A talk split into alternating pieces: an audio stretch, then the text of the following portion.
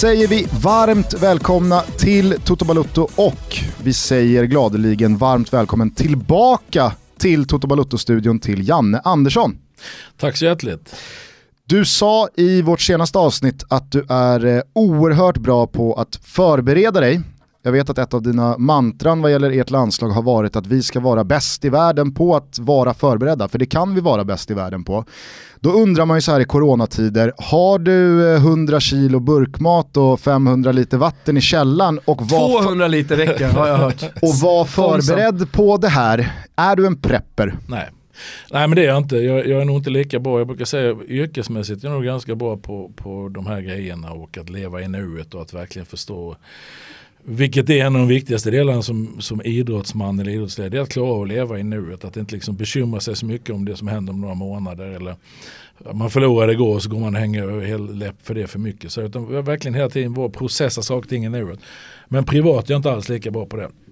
Så jag är inte lika bra på förberedelse och oroar mig mycket mer privat än vad jag gör i jobbet. Så kan man säga. Men jag, jag tror mycket i min bransch yrkesmässigt så tror jag på förberedelse. Det är bra grejer. Hur mår du annars eh, dessa dagar? Ni skulle eh, nyligen ha avslutat den sista samlingen innan EM-truppen skulle ha tagits ut. Nu blir det ju inte så. Eh, vad, vad tänker du på idag? Hur mår du? Jag mår bra, rent fysiskt mår jag bra. Jag har varit lite småhängig en liten period sådär men inte varit sjuk på riktigt. Och jag reste väldigt mycket precis innan det brakade loss. Så jag är ganska övertygad om att jag haft någon liten touch någon gång på vägen av den här hemskheten. Sen, sen är jag dessutom lite allergiker så här år så jag är alltid rosslig den här perioden. Men, men, eh, men rent fysiskt mår jag bra. Sen är det klart att jag som många andra som tycker att det är en väldigt märklig situation vi är i och det är en väldigt, för mig då om jag får prata min lilla värld så, så, så, är det klart att hela, hela mitt yrkesliv har under 38 år något sånt handlat om fotboll och nu helt plötsligt finns det ingen fotboll och då är det klart att det är väldigt märkligt. Det är en väldigt tomhet som, som man upplever. Så att det, det, är mycket, mycket speciellt som det är för så många andra. Trycktes du ner i skorna och är kvar där eller har du hoppat upp på hästen igen och börjat blicka framåt eller? Eh, hur funkar det med det där? Nej, det är nog blandat, det kommer upp och ner hela tiden tror jag. För det kommer över, det är så tråkigt ja. Det är så fruktansvärt tråkigt. Annars pratar man alltid fotboll, man funderar på vilken match man ska se på kvällen och på morgonen så sätter man sig i Y-scout och så kollar man igenom vad, vad killarna vad gjorde för något igår och så vidare. Och det finns liksom ingenting och när det kommer över så är det jättetråkigt. Samtidigt så har vi Eh, Peter Wettergren, Kristoffer Bernsbong eh, som då är analytiker och Peter min närmsta kollega. Vi har, vi har satt tänderna i lite sånt där som vi inte har hunnit med innan och som varit väldigt roligt att sitta och titta på gamla klipp och göra en ny presentation där vi försöker liksom vässa till eh, hur vi ska spela, hur vi ska jobba ett snäpp till. Som vi har pratat om väldigt länge men inte hunnit med. Så det har varit jätteroligt och då blir man på gott humör igen. Va? Sen kommer man helt plötsligt på att äh, det, det är inte som vanligt och så blir man lite hängig igen. Har du börjat eh, liksom hitta någon annan hobby eller göra något annat på fritiden? Nej det har jag inte. Jag, eh, jag tror det eller men jag har ju varit väldigt, tränat väldigt mycket i mitt liv och de senaste åren som jag blev förbundskapten så har jag tappat en del av det för man har inte samma rutiner, man reser mycket. Det berör. Så jag, jag har tappat lite av min fysiska förmåga har jag tyckt och det är väl en grej som jag ska försöka nu när man, när man inte har en massa resor att ta hänsyn till. Att man kan ta hand om sig själv lite mer än vanligt. Det är väl det enda, annars gör jag nog ungefär samma grej. Jag tittar på lite mer dokumentärer vilket jag tycker är roligt istället för att titta på fotbollsmatcher. Och det, det följer någon tv-serie med hustrun och sådär som jag inte brukar åka med annars. Men nu, nu gör jag det. Så att det, lite grann har ändrats. Är det någon eh, dokumentär som, som har fastnat som du tyckte var bra?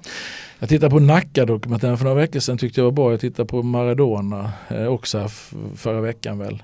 Eh, jag tittar på Militärligan som jag tycker är bra. Eh, Vår kompis Rickard Slätt som har producerat. Okej, okay. mm. Nej, det var bra.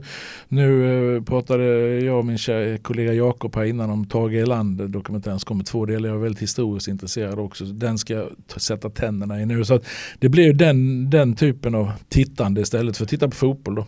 Man backar bandet till Maradona-tiderna. Vem var Janne Andersson på den tiden? Så, kan du se på de bilderna och, komma ihåg hur det var? Ja, det kan nog göra. Han är ju, nej inte han utan Gentil är ju orsaken till min första bot för jag körde för fort. Det togs upp i vårt förra avsnitt. Gjorde det? det? det? kändes nästan som att du inte hade svalnat i din aggression nej, gentemot Gentil. Du var det? fortfarande sned på honom. Det kommer jag inte ihåg att jag sa. Jag var på väg, jag var så förbannad, det var väl 82 va, den här semifinalen där.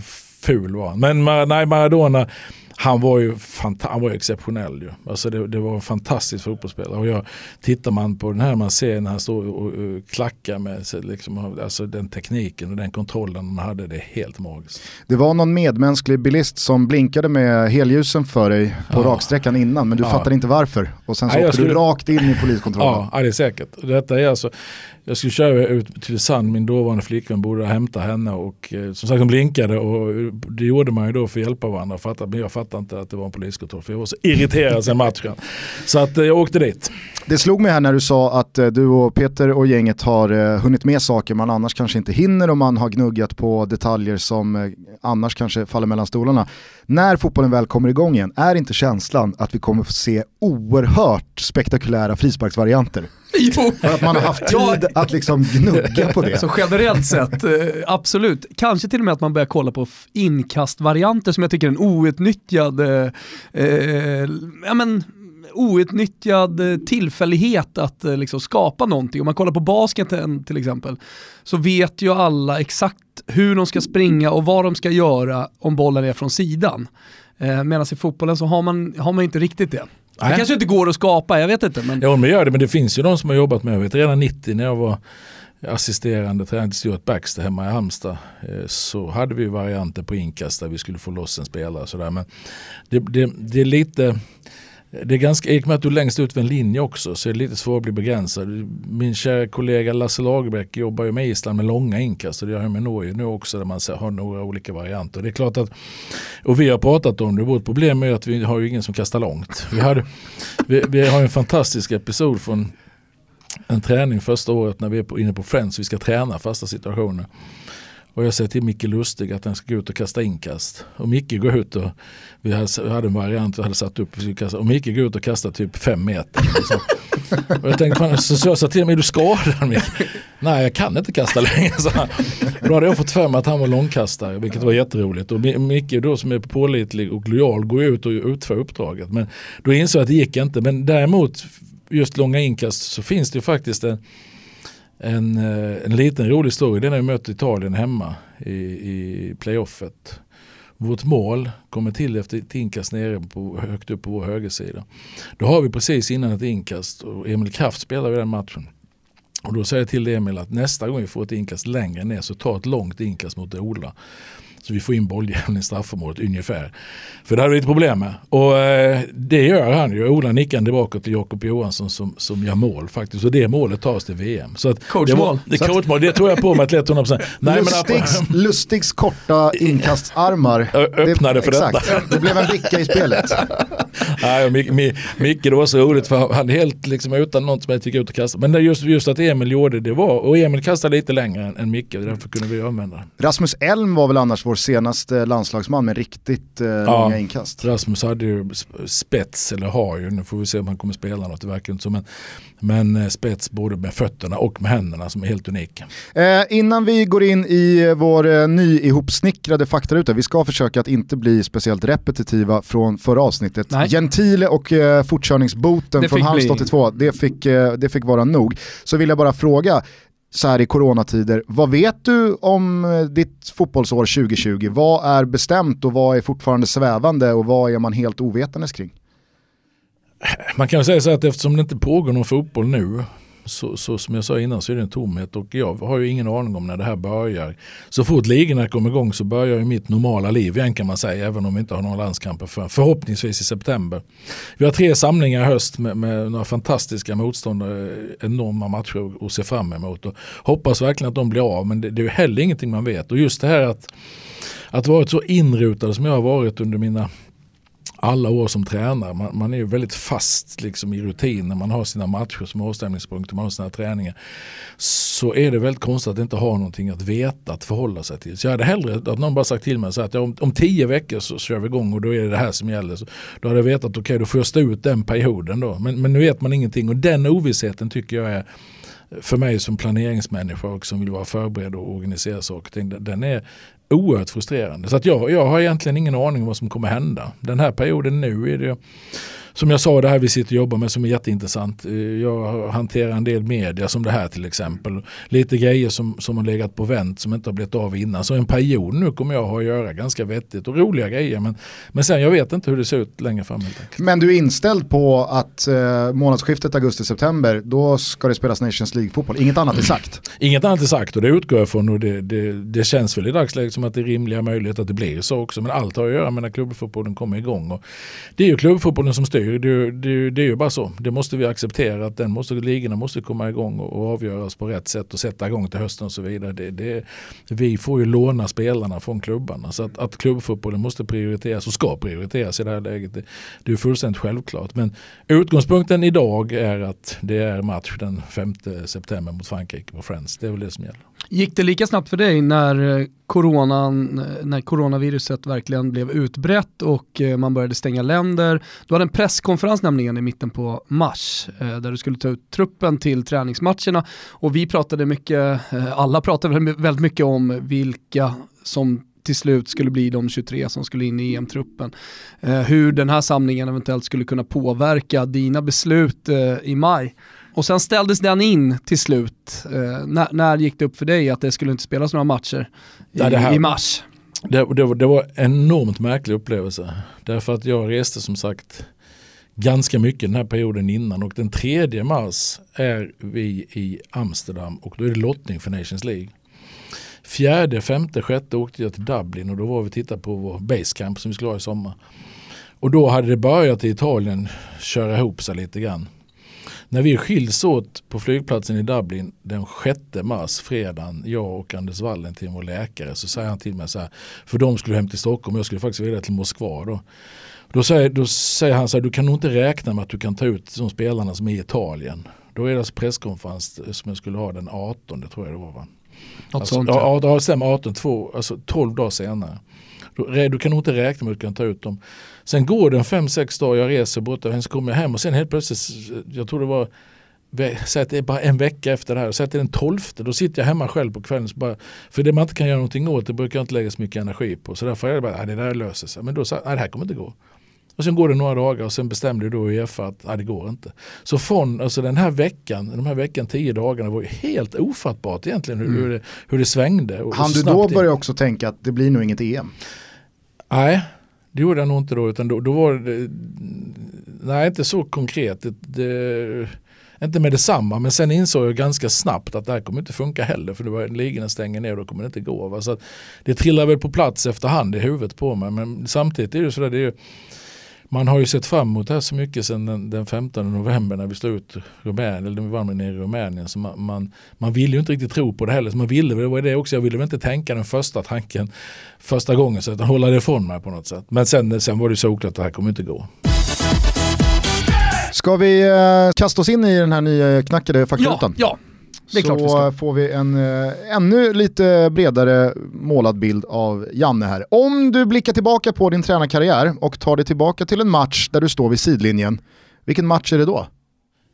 Då är det nog tusan eh, Italien, eh, San Siro, andra halvlek. Eh, när, när vi, första halvlek, slutet på första halvlek var jobbig, andra halvlek var lite lugnare. Men, och det ser liksom bilden framför mig, det var väldigt stressigt runt omkring. Jag var faktiskt ganska lugn. Eh, jag är oftast lugn i matcherna förutom att jag vänder upp och ner ibland. Du står mot, i stormens mot, öga. Ja, men, men också mot, jag kan reagera mot fjärdedomar och domslut och sånt där ibland men jag är oftast väldigt klar i huvudet. Så jag brukar inte stressa upp mig i onödan men, men där är jag väldigt lugn. Och då, den matchen, andra halvleken, den, den, det är nog där jag står. Och en, ett sånt där jätteroligt minne från den det är ju att Viktor Claesson, vi har gjort två byten. Fick byta Ola tidigt, början på andra halvlek. Sen gjorde vi ett byte till. Det var Jakob såklart som pajade knät i första halvlek. Och sen, så hade vi ett byte kvar och det vill man ju inte ta för tidigt. Och Viktor Claesson var ju helt slut. Alltså han var helt färdig. Han hade sprungit som han alltid gör. Så han springer och vevar ut mot kanten till, till mig och Peter vill byta. Och då säger jag till Peter att vi, vi kör en gammal Tom Prahl. Och det är från jag vet inte om jag har dragit den, har jag dragit den för er här? Ja den, den var med i förra avsnittet, den här också. med Arvidsson eh, i ja, Halmstad. Det var fan att jag, att jag dragit den just här. Ja, men då, men den är rolig. Det, Ja. och det, den, den, den, den liksom att vi låtsas att vi inte ser honom så han fortsätter springa Viktor. Ja. Men den matchen är nog den matchen jag ser. För att den är den som kanske har haft störst betydelse också i karriärmässigt och det man fick vara med om sen i VM. Så, så det är nog den matchen. Jag ska, nu, ska jag, nu ska jag tänka efter, avbryt mig med detsamma om jag har sagt någonting innan. Det Jag sträcker upp handen. Ja, det, gör det, Precis sträck upp handen. Det är två gånger nu, det har vi hört. Ja. gammal skåpmat. Ja. Eh, nej, men fantastiska scener från den andra halvleken. Jag vet inte om du har sett de bilderna. När någon assisterande till Ventura går fram till De Rossi och eh, vill att han ska värma upp för att han eventuellt ska hoppa in. Och De Rossi lackar ur fullständigt. Det står 0-0, vi måste göra mål och ni vill att jag ska värma upp. Vad fan ska jag in på plan och Jag göra? som, jag som följde, jag, mitt, mitt uppdrag som journalist eh, under de här två matcherna under playoffet var att följa det italienska landslaget. Så jag var på alla presskonferenser och följde ju då såklart också hur eh, italiensk media rapporterade. Och allting inför den här returen handlade om Lorenzo Insigne. Att han skulle in för att de behövde luckra upp eh, det svenska försvaret eh, med hans fötter och med hans eh, sinne och sådär. Eh, och han börjar ju då i den här, med den här matchen på bänken. Och sen när, eh, när han ska göra ett byte så går han alltså fram till De Rossi och han blir ju vansinnig. Vad ska jag in och göra här? In och vara städgumma? Nej, jag har, talat, jag har inte sett det själv men jag har talat om det innan faktiskt. Nu, nu är det 1-1 höll jag på att säga. Ni berättar gammal skåpmat här.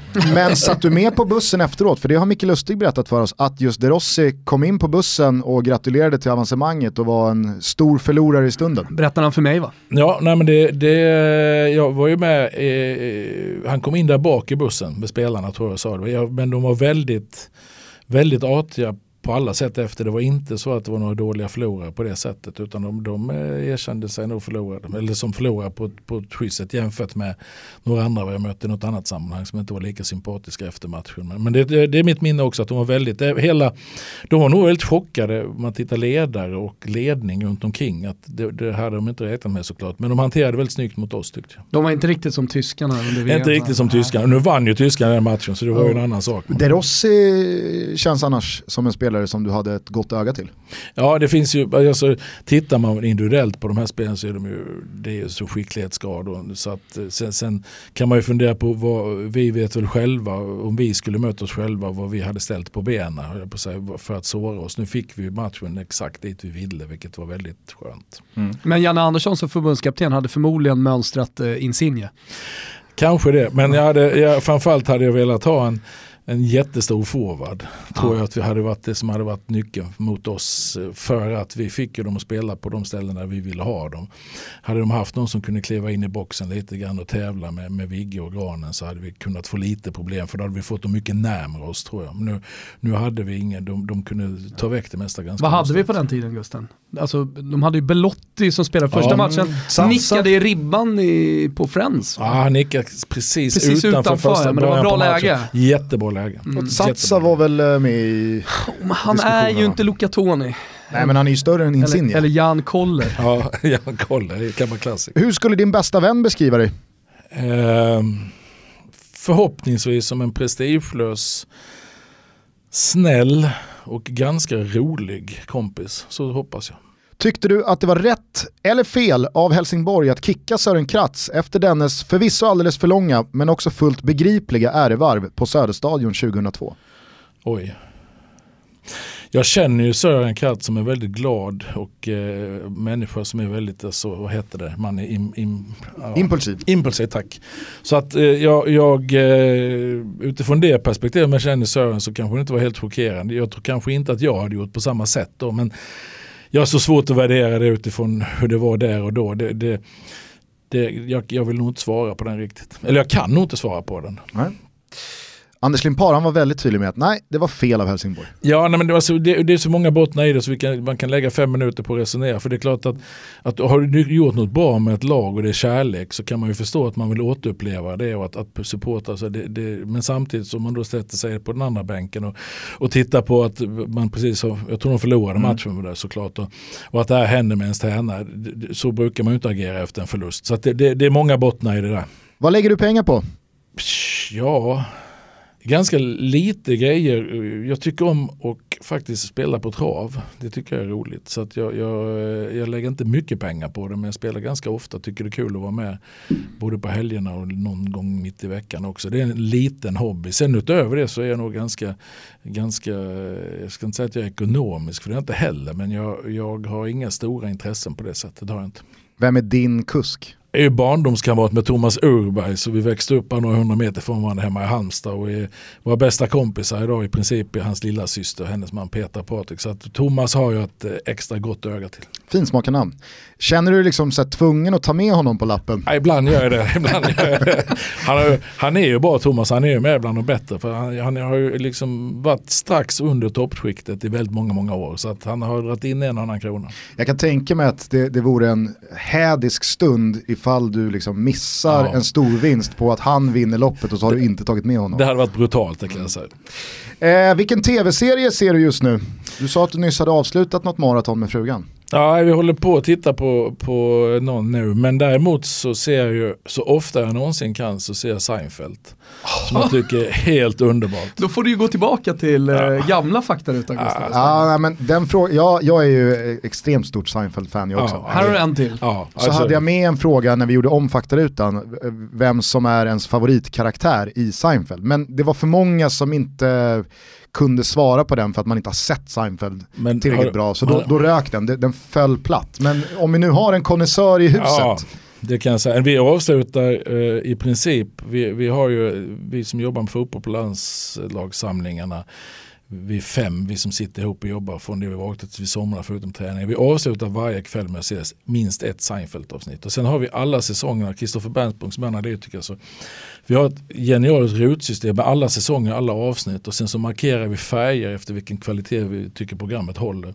Och vi håller på att tugga oss igenom det. Men George Costanza är överlägsen. Ja. Han är helt överlägsen. Alltså, han är verkligen helt överlägsen. helt fantastisk. Men vi, jag Seinfeld så senast ett avsnitt igår och det, ah, helt, helt, ah, det är så bra. Jag gillar, älskar den här resonemangen de har med varandra. Ja. När man, när, man mår, när man mår lite dåligt, håll med, och man kanske lite deprimerad, då är ju Seinfeld den bästa medicinen. Ja, det går inte komma, man kan inte låta bli att sitta och hustrun tycker inte det är så bra. Så hon, hon, därför liksom, men igår skrattade hon till och med högt. Så kommer inte ihåg vad det var åt. Men. Ja, ett tips från alla oss tre då. Till alla som dör karantändöden hemma av tråkighet och tristess. Ja. Seinfeld ligger där ute, tillgängliga för alla. Makalöst bra. Finns på Simor. Jajamän. Eh, vilka tre personer utanför familjen hade du själv isolerat dig med en månad? Ja, det, det, är nog de som jag nästan gör det med nu. Det är, alltså, det, det, det, är, det är Peter Wettergren, Kristoffer Bernsspång och sen har vi ju med Lasse Jakobsson på telefon varje dag också. Och det är vi som jobbar ofta tillsammans med landskamp. Vi, vi har fantastiskt roligt ihop och delar ju dessutom samma intressen och jobbar väldigt bra tillsammans. Så vi har nog klarat det ganska bra tror jag. Rita upp eh, spelmönster på stranden. Ja, och, vi hade löst det. Ja, vi hade löst det. När du tänker på Zlatan Ibrahimovic, vad tänker du på då? Jag tänker på en makalös idrottsman, alltså atleten Zlatan.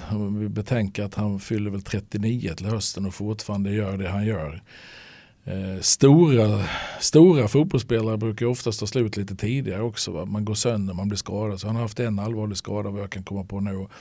Den, den fysiken kombinerad med tekniken han har är ju helt unik. Alltså. Så att, att fortfarande klara av att att vara motiverad att driva sig själv framåt. För det är inte så att du tränar mindre när du, när du kommer över 30 för att hänga med utan du måste köra ännu tuffare för att hänga med såklart. Att klara av detta och vara så högmotiverad enormt imponerande. Så jag, jag, tänker på det. Sen är det, det är vår bästa spelare genom tiderna eh, för mig såklart. Men, men jag, jag är oerhört fascinerad av vad det är som driver honom framåt. Att han fortfarande liksom har den här hungern i den åldern med allt han har, allt han har genomlevt och eh, upplevt och presterat tidigare. Så, ja, imponerande. Ni är ju i samma stad nu. Eh, han är ju och tränar med Hammarby. Ja, just det. Eh, det är inte så att ni har haft möjlighet att träffas? Nej, jag har ju ingen relation med Zlatan på det sättet. Alltså jag pratade ju med honom i samband med EM då för snart fyra år sedan. Eh, och då, då liksom sa vi farväl, eller han sa farväl till landslaget. Och sen har jag, jag har stött på honom på någon fotbollsgala, då pratade vi lite. Det var mm. nog samma år. Men sen har jag liksom inga, Ekman har aldrig haft sån som spelare, så, där, så blir det inte den relationen. Och det blev aldrig aktuellt att på något sätt eh, reda ut någonting och rensa luften efter det som hände i höstas? Nej, inte för mig. Så hade det varit en spelare som jag hade haft, då hade jag nog velat göra det. Men i och med att vi inte har någon relation så kände jag också att då får det där, det får, det får liksom, man får ruska av sig där så får man gå vidare. Men hade vi haft en relation då hade jag nog velat göra det. det hade, eller då hade jag gjort Och om ni hade sprungit på varandra imorgon, hade du sagt någonting då eller är det vatten under bron eller är det liksom, om någon ska säga någonting först så får han göra det? Nej, jag hade hälsat på honom och frågat att vara med om. Det där är båtar för mig alltså. Sen hade vi suttit och snackat en halvtimme så hade jag kanske tagit upp och frågat vad var. Men det hade inte varit det första vi hade pratat om. Inte, inte för mig i alla fall. För jag är inte långsint på det sättet utan ibland händer saker och ting, då får man hantera så får man gå vidare. Och, och, men som sagt, hade vi haft en relation innan då hade jag nog haft en ännu större besvikelse och framförallt en ilska och irritation. Nu var jag nog mer besviken och ledsen. Men då hade jag nog varit förbannad om det hade varit någon som jag hade jobbat med och då hade jag nog velat ta upp det med vederbörande. Men här, ja, det, det, för mig är det förbi. Då var då som vi säger. Med tanke på att han kom tillbaka till Europa och Milan i början av januari, ett mästerskapsår som då inte var uppskjutet ett år, började du tänka att nu kan det bli en eh, storm och en folkfråga kring Zlatans vara eller icke vara i, i landslaget igen? Nej, inte överhuvudtaget kan jag säga. Därför att vi har ju liksom rätt ut vad som gäller oss emellan. Och det snackades så mycket inför VM och då antyder han ju själv lite grann. Och sådär. Men, men för, mig, för mig har det varit en icke-fråga hela tiden. Så den, den fanns inte med nu heller. Är du för eller emot pyroteknik? Tycker det är häftigt samtidigt så får det inte vara skadligt. Jag hamnade, av alla ställen jag hamnade på, har jag berättat det här också? Nej. Jag berättade någonstans. Ja, det, det beror på vad som kommer nu. Jag var, jag var, alltså, jag var ett år som tränare i ÖIS och då eh, var jag intresserad av Loret Sadiku i Värnamo. Tyckte han var väldigt bra, det var innan han liksom hade slagit igenom, jag hade sett honom i B-lagsmatch. Då åkte jag och min dotter Julia till, till Värnamo och tittade och hamnade i en sån här rökgrej. Av, alltså, av alla ställen så var det i Värnamo, heter den? Finnbodavallen, mm. så, eller Finnvedsvallen. Finnvedsvallen. Finnvedsvallen heter det. Och jag höll ju på att avlida av den här röken. Så jag har ju svårt med rök normalt och som är så allergiker så det var hemskt att hamna i det. Och det är klart, hamnar du dessutom i det, det brinner runt omkring det så, så är det ju inte så kul alltså. Så, så att det, utifrån det perspektivet och att det är förbjudet så kan jag ju aldrig vara för det. det. Det går inte att vara för någonting som kan vara skadligt förbjudet. Men kan man däremot hitta sätt att hantera det så är det ju häftigt. Det är fantastiskt häftig inramning på matcherna. Så att jag är emot så länge det är förbjudet, så länge man inte hittar tillåtna grejer. Vem, vilka eller vad hade du på väggen i pojkrummet? jag hade ju nog lite Arsenal-planscher. Jaså? Ja, för början, alltså jag blev ju Arsenal-supporter i början på 70-talet med Charlie George och det gänget. Eh, och eh, jag och min kompis Björn Tarzan Larsson, han var Manchester United-supporter. Det fanns något ställe inne i stan här som man kunde cykla och handla eh, och då kunde man få lite lagbilder och sånt där. Så det var nog det som satt på vägen. För att vi har ju förstått att du är helt eh, ointresserad av musik, så jag misstänker att det inte var massa, Nej. det var inte Beatles och... Nej, det var det definitivt inte. Nej. Är du för eller emot VAR? Jag är för VAR därför att... Eh, Bra Janne. Ja, det måste, alltså, om, om vi kan få reda på om saker och ting är rätt så måste det ju vara rätt. Alltså, det måste ju, fortfarande så kan vi inte säga om Jeff Hursts avgörande mål i VM-finalen eh, 66, va, om bollen var inne eller inte. Och inte kunna liksom veta saker som får den stora påverkan det får. Sen har det ju liksom, det har inte varit friktionsfritt inledningsvis. Det kan man ju inte säga. Och framförallt pratar vi dam-VM så var det ju parodi långa stunder tycker jag. Men, men eh, någonstans alltså, kan saker och ting bli rätt och man får förfina systemet och man får jobba på det så, så tycker jag att det måste, det, för mig, det, rättvisa tilltalar mig. Har du vridit och vänt på någon tanke i ditt eget huvud vad som skulle kunna skruvas på för att göra det bättre? Nej, det kan jag inte säga. Inte, inte, inte så att jag har någon konkret idé på det sättet. Men ja, jag tror ju som i alla sammanhang att om man tränar på saker och ting så blir det ju bättre. Alltså hittar man team som gör det tillsammans och man lär, lär känna varandra man, och tränar ihop så, så tror jag att det kommer bli förfinat efterhand. Favoritarena? Alevallen hemma i Halmstad. Klassisk mark. Vad tar den? Alevallen tar, det, det beror på, det finns ju ingen läktare. Så man, man, man får, det, beror på hur man står. Det beror på hur man står. Men, Alevallen, men sen, sen är jag ju väldigt, alltså jag måste ju säga det också, det är klart att man har en svall i Halmstad tycker jag är fint. Så, så, så, men, man går längs Nissan. Man går längs Nissan fram och sådär. Nej det, det är jättefint. Men eh, Friends, jag gillar Friends också. Och det är väl det att vi har ett fantastiskt bra facit. Man känner sig verkligen på hemmaplan. Och med det trycket vi har haft i många av våra matcher, det stödet, så är det klart att det är min hemmaarena idag. Men jag är uppvuxen på Alevallen. Örjansvall måste jag säga, alltså det, det, för mig är det kanske sinnebilden av svenskt föreningsliv. Man kommer in där med, innanför grindarna och den där lilla våffelstugan ja, ligger i backen. Alltså, ja. Men man kommer in innanför grindarna så är det liksom ett område där. Siv. Siv. Siv Nilsson. Men äh, Örjanstugan uppe i backen, nej det är fantastiskt fint. Jag jobbar ju 21 år på Örjansvall alltså som massa grejer då. Men, men utan behöver inte ta det nu. Men, men i det hela miljön där nere ut med Nissan är fantastisk. Favoritarena, frågan blev ju lite Janne-historier. Alevallen, Örjansvall, Ja, Friends. Friends. Det, blev, det blev, jag kan inte låta bli att nämna någon av dem faktiskt. Vad gör dig riktigt, riktigt arg? Ja, det är nog orättvisa. Eh, penalism, alltså folk som sätter sig på andra och liksom trycker ner andra människor. Det har jag brutalt svårt för. Eh, att, att man liksom behandlar människor illa eh, överhuvudtaget. Då undrar man ju om du var tidig som ledare med att jobba emot så kallade inkilningar. Som var ett väldigt vanligt inslag i, i mm. svensk herrfotboll. Ja, vi har alla varit med om. Ja, I alla fall jag. jag eh, I mina klubbar så har man inte haft några dumma inkilningar. Jag kom till Norrköping, där fanns en historia som inte var speciellt bra. Det jag förklarade för dem då är att alltså, in, inkilningskvällen, det är ju en rolig kväll, det ska vara kul. Det är ungefär som svensexa också haft oerhört svårt för. Eh, att, att man ska hålla på och vara dum mot någon och hitta på skit. Alltså, jag har roligt tillsammans, sen kan väl någon få bjuda på sig lite. Men, men man ska ha kul ihop det hela grejen. Så att jag, jag eh, nej, inkilning är ingenting som jag talar för överhuvudtaget. Jag, jag förstår inte varför man ska hålla på med sån skit. Mitt första år i eh, Spånga, då, då sprang ju de tidiga 70-talisterna runt och då var det hela året, för då, inkilningskvällen var på, eh, på avslutningsfesten efter året. Så November. exakt, så hela säsongen var bara, det där skriver vi upp till inkilningen så fort någon misskötte sig. Ja, det där åker upp på, på tavlan, det där åker ner i lilla svarta boken. Så att det var liksom så här, Ma management by fear hela säsongen, att skötte man sig inte eller gjorde man fel eller sa man någonting eller då, då, då visste man att det där hamnar på minuskontot inför inkilningen. Det här var hemskt. Ja, nej, men det är obegripligt för att vi ska ju prestera tillsammans. Vi ska göra någonting tillsammans. Vi ska vinna fotbollsmatcher ihop. Och, och, att man då ska hålla på och liksom dela upp människor i olika skikt på det sättet och behandla människor illa. Det har jag, och generellt och det gäller samhället i övrigt också. Jag, jag blev förbannad alltså när man behandlar människor illa. Men vi har faktiskt två eh, små episoder här som har gjort dig riktigt, riktigt arg. Mattias mm. Larsson från eh, Kvällsposten kommer med den ena. Ni hade mött Lans på bortaplan med eh, Halmstad. Ja, just det.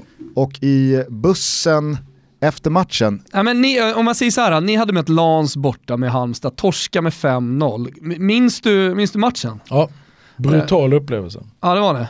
Var du missnöjd? Ja, de var alltså, vi slog ut eh, Sporting Lissabon det 2005 det här, vilket var fantastiskt. Och, och sen gick vi in i gruppspelet och då hade vi Lans i andra matchen. Vi förlorade första hemma mot Hertha Berlin tror jag med 2-1. Sen hade vi Lans och åker dit ner och de, var, de, de hade ju varit tvåa franska ligan året innan. Och, och de, var, de, var, de kontrade ut oss fullständigt 5-0. Jag tror bollinnehavet var ganska lika så det är min minne av det. Vi, vi, vi liksom har ju det. det kändes som att vi, vi hade boll och passade lite, sen tog de och så gjorde de mål. Så fick vi ha bollen och passa lite och så tog de och gjorde mål. Så det var en hemsk match var det. Det var en hemsk upplevelse. På kvali vilken kvalitet de höll i sitt spel. Mm. Vad händer då på bussen efter matchen? Detta kommer jag inte ihåg. ja, men okej, okay, jag ska läsa exakt. Vet du vem Mattias Larsson är? Ja då. Eh, Kvällsposten, Expressen. Han var med där nere som reporter. Exakt, han skriver så här, min bästa Janne Andersson-story, eh, Lens, HBK borta i Uefa-cupen. Det är Lans. Ja exakt, men jag läser det så som Mattias Larsson hade läst det. okay. ja. Trafiken Ja. Dålig skånska ja. har jag också. Trafiken i lillaområdet är galen. Ni åker med oss, säger Janne till de få murvlarna på plats. Poliseskort rakt in i katakomberna, HBK torsk 5-0 och en Junis sätter på sällskapsresan i bussen hem. Topplocket där. Wow.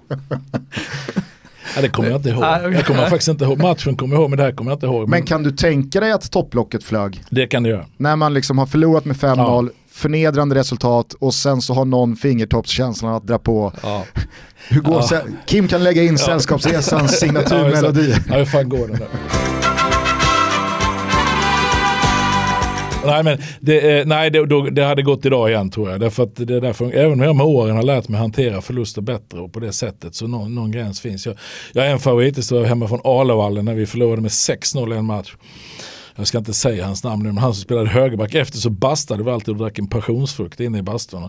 När man kom in less, när man kom in där satte sig på, så satt han och skrattade. Vi hade förlorat med 6-0.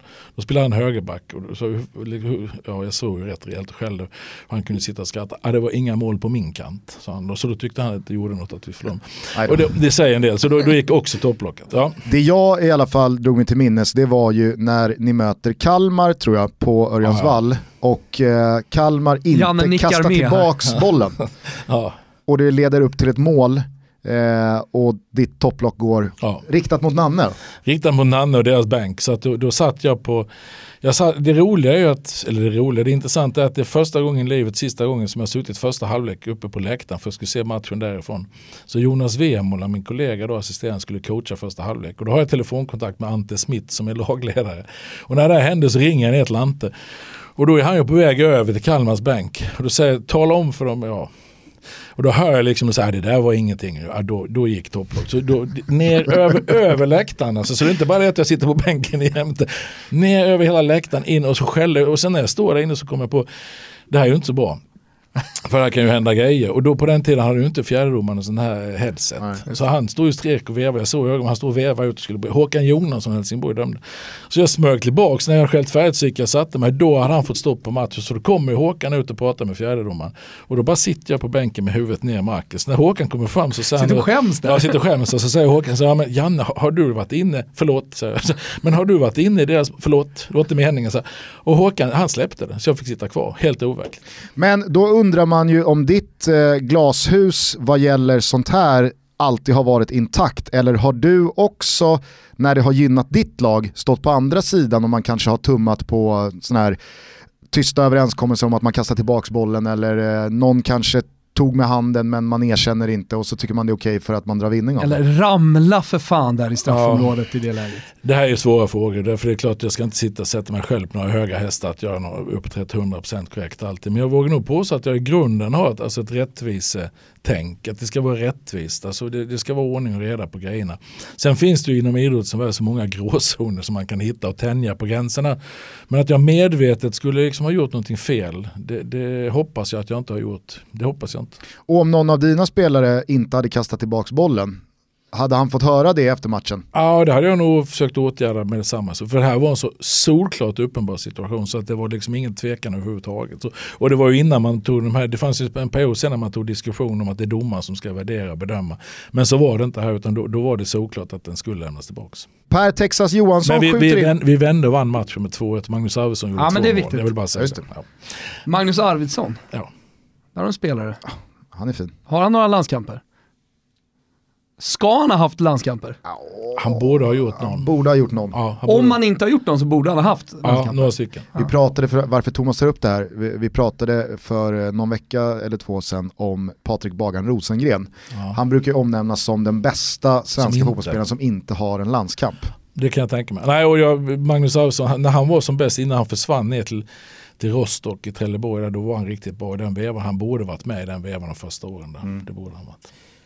Eh, per Texas Johansson har hjälpt till med att skjuta in en fråga till faktarutan här. Vad tar du i bänkpress? Jag tar mer än vad Texas gör. Så att, eh, jag pratade med Texas bara för, Mic drop.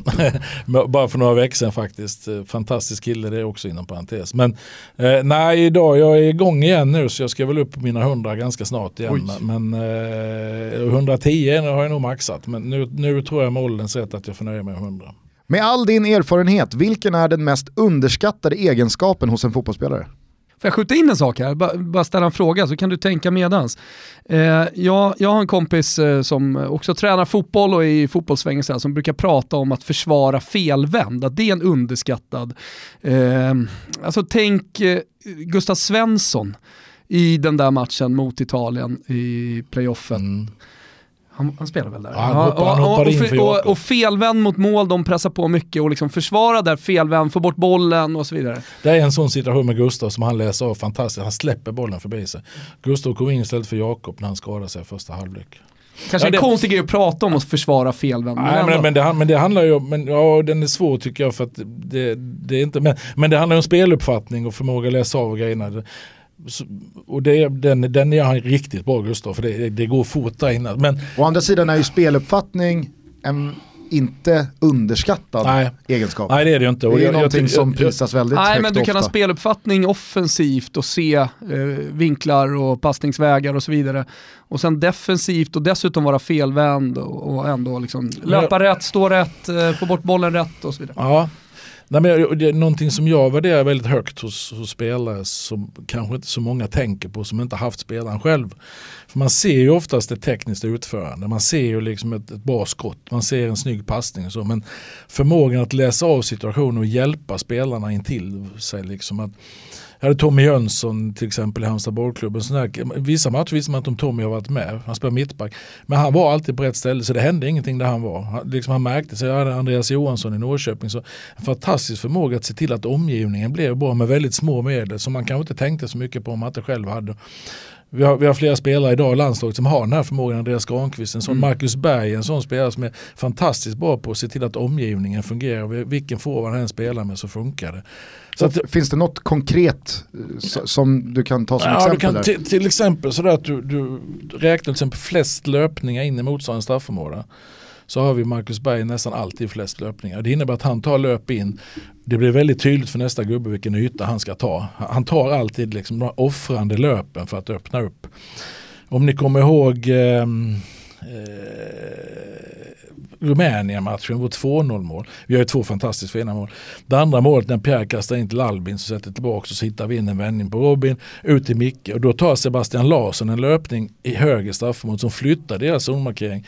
Deras spelare flyttar och gör att Robin Quaison kan löpa in och få bollen tillbaka spela för Macke. Alltså, gör, gör inte Sebastian den löpningen, uppoffrande löpningen så hade det här målet, och jag tror inte alla som är fotbollstränare som ser det tänker säkert på det här. Men jag tror väldigt många som, som bara ser liksom direkt vad som händer ser inte Sebastians löpning. Och just den här uppe, att du gör de här andra grejerna för att göra andra bra. Och då, och då tror jag ofta det är sådär, jag såg ju Sebastian Larsson ganska mycket innan. Eh, han var med landslaget men även han spelade England. Men det. Och jag, jag uppfattar ju aldrig Sebastian på det sättet som jag sen har uppfattat honom när jag börjat jobba med honom. För det har jag märkt alla de här små detaljerna. Hur han ser till att andra kan göra bra grejer. Och det, det tror jag är en underskattad generellt sett en underskattad förmåga att göra andra bra faktiskt. Och den, den är enormt viktig.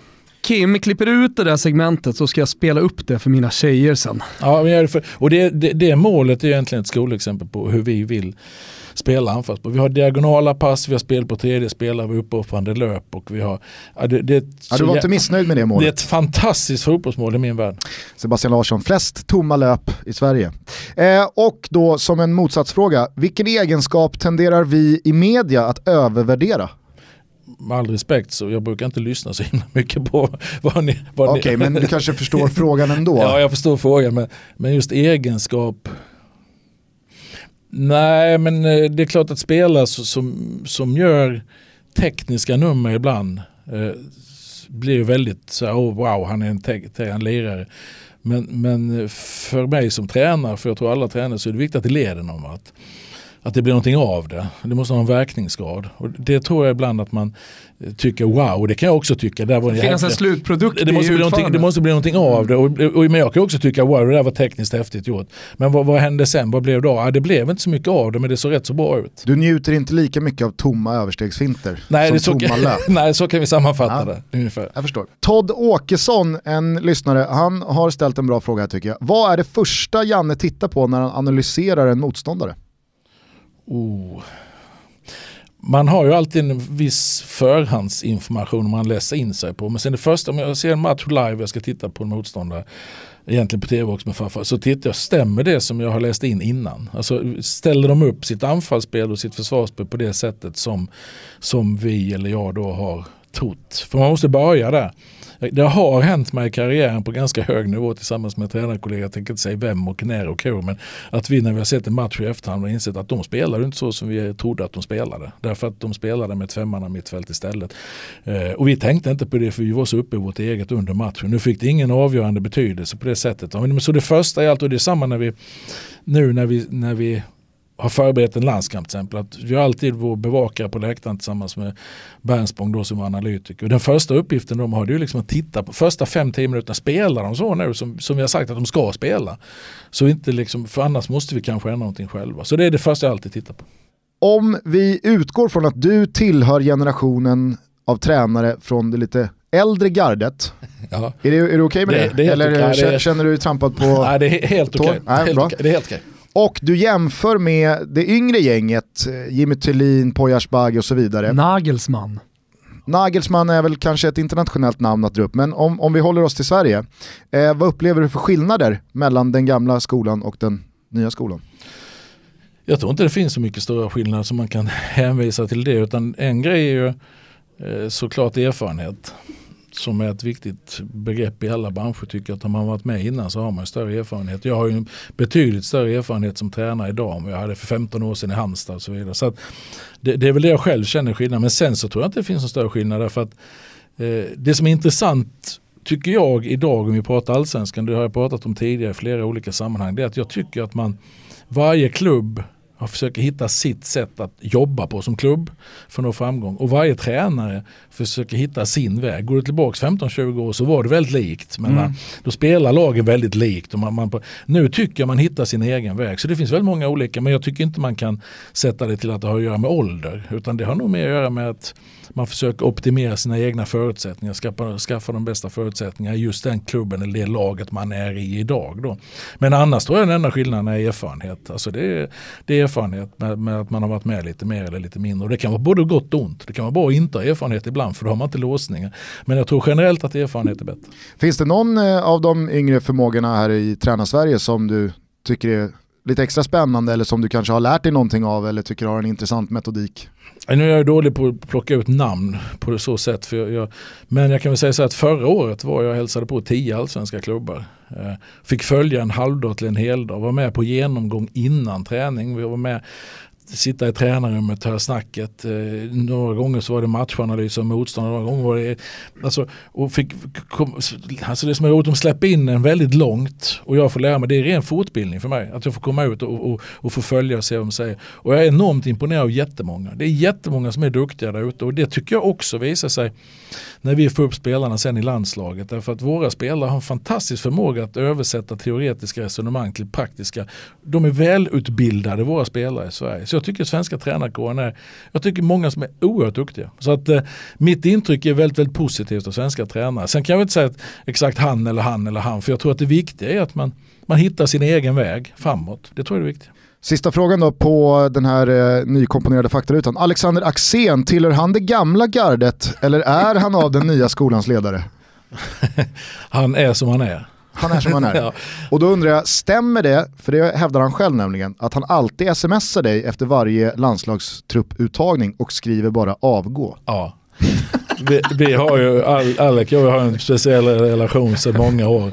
Och eh, vi har suttit många kvällar och druckit pilsner ihop och haft roligt och pratat fotboll. Han är, han är skön Alec. Men han började med redan min första, så då innan han blev så kallad expert, eller vad han kallar sig nu, gammal tränare. Men han, han, eh, han eh, första smset jag får är alltid avgå. Det är väldigt roligt. Saknar, saknar du honom liksom vi på en bänk? Ja det gör jag nog. Jag såg, Alec är ju sådär, alltså, jag kan ju prata en del när jag kommer igång så här, men har ni haft honom här i studion? Mm. Ja, det, det, måste det är dags för en comeback Det måste vara ett fyra timmars program eller någonting. Det, det är bara att trycka på knappen så drar han gamla stories. Han var, alltså. han var här samma dag som han skulle till Simor för att skriva på. Ah, okay. Men då, då hade han eh, fortfarande inte riktigt förstått. Han var lite som Erkan Sengin i Hammarby. Uh, är, det, är det netto eller brutto? Vadå? han, han, uh, han, han förstod nog inte värdet, uh, eller sitt eget värde så att säga, när han skulle in och förhandla där. nej men han, vi, vi, är ju generellt... Tjänar man pengar på det här? Ja, nej men aldrig jätteskönt, sen har vi inte samma kontakt idag men som vi hade som tränare. Men generellt så, så tycker jag alltså att vi har en väldigt stor kollegialitet mellan tränare i Sverige också. Det, det, är också en sån där grej som jag tycker är viktig och som jag pratar för i olika sammanhang. Vi är ett litet land, vi är en liten fotbollsnation. Och vi ska hjälpa varandra, vi måste hjälpa. Sen när vi fightas på planen, det är en sak. Men däremellan så ska vi kunna utveckla och, och liksom hjälpa varandra på vägen. Och, och Alex har verkligen varit en sån som har, som har velat bidra. Vet du vad jag ska göra på söndag vid 10-8? Eh, 10-8 söndag, uh, nej. Då ska jag knäcka en poker-Pepsi ah. och så ska jag liksom mentalt gå in i pokertutto nummer tre mm. och gå för vinsten. Jag förstår att du går, går för vinsten. Alltså man märker att du har stora ambitioner, man märker att du har stor kunskap också om det här med poker. Jag är ju fisk. ja, det har vi lärt oss.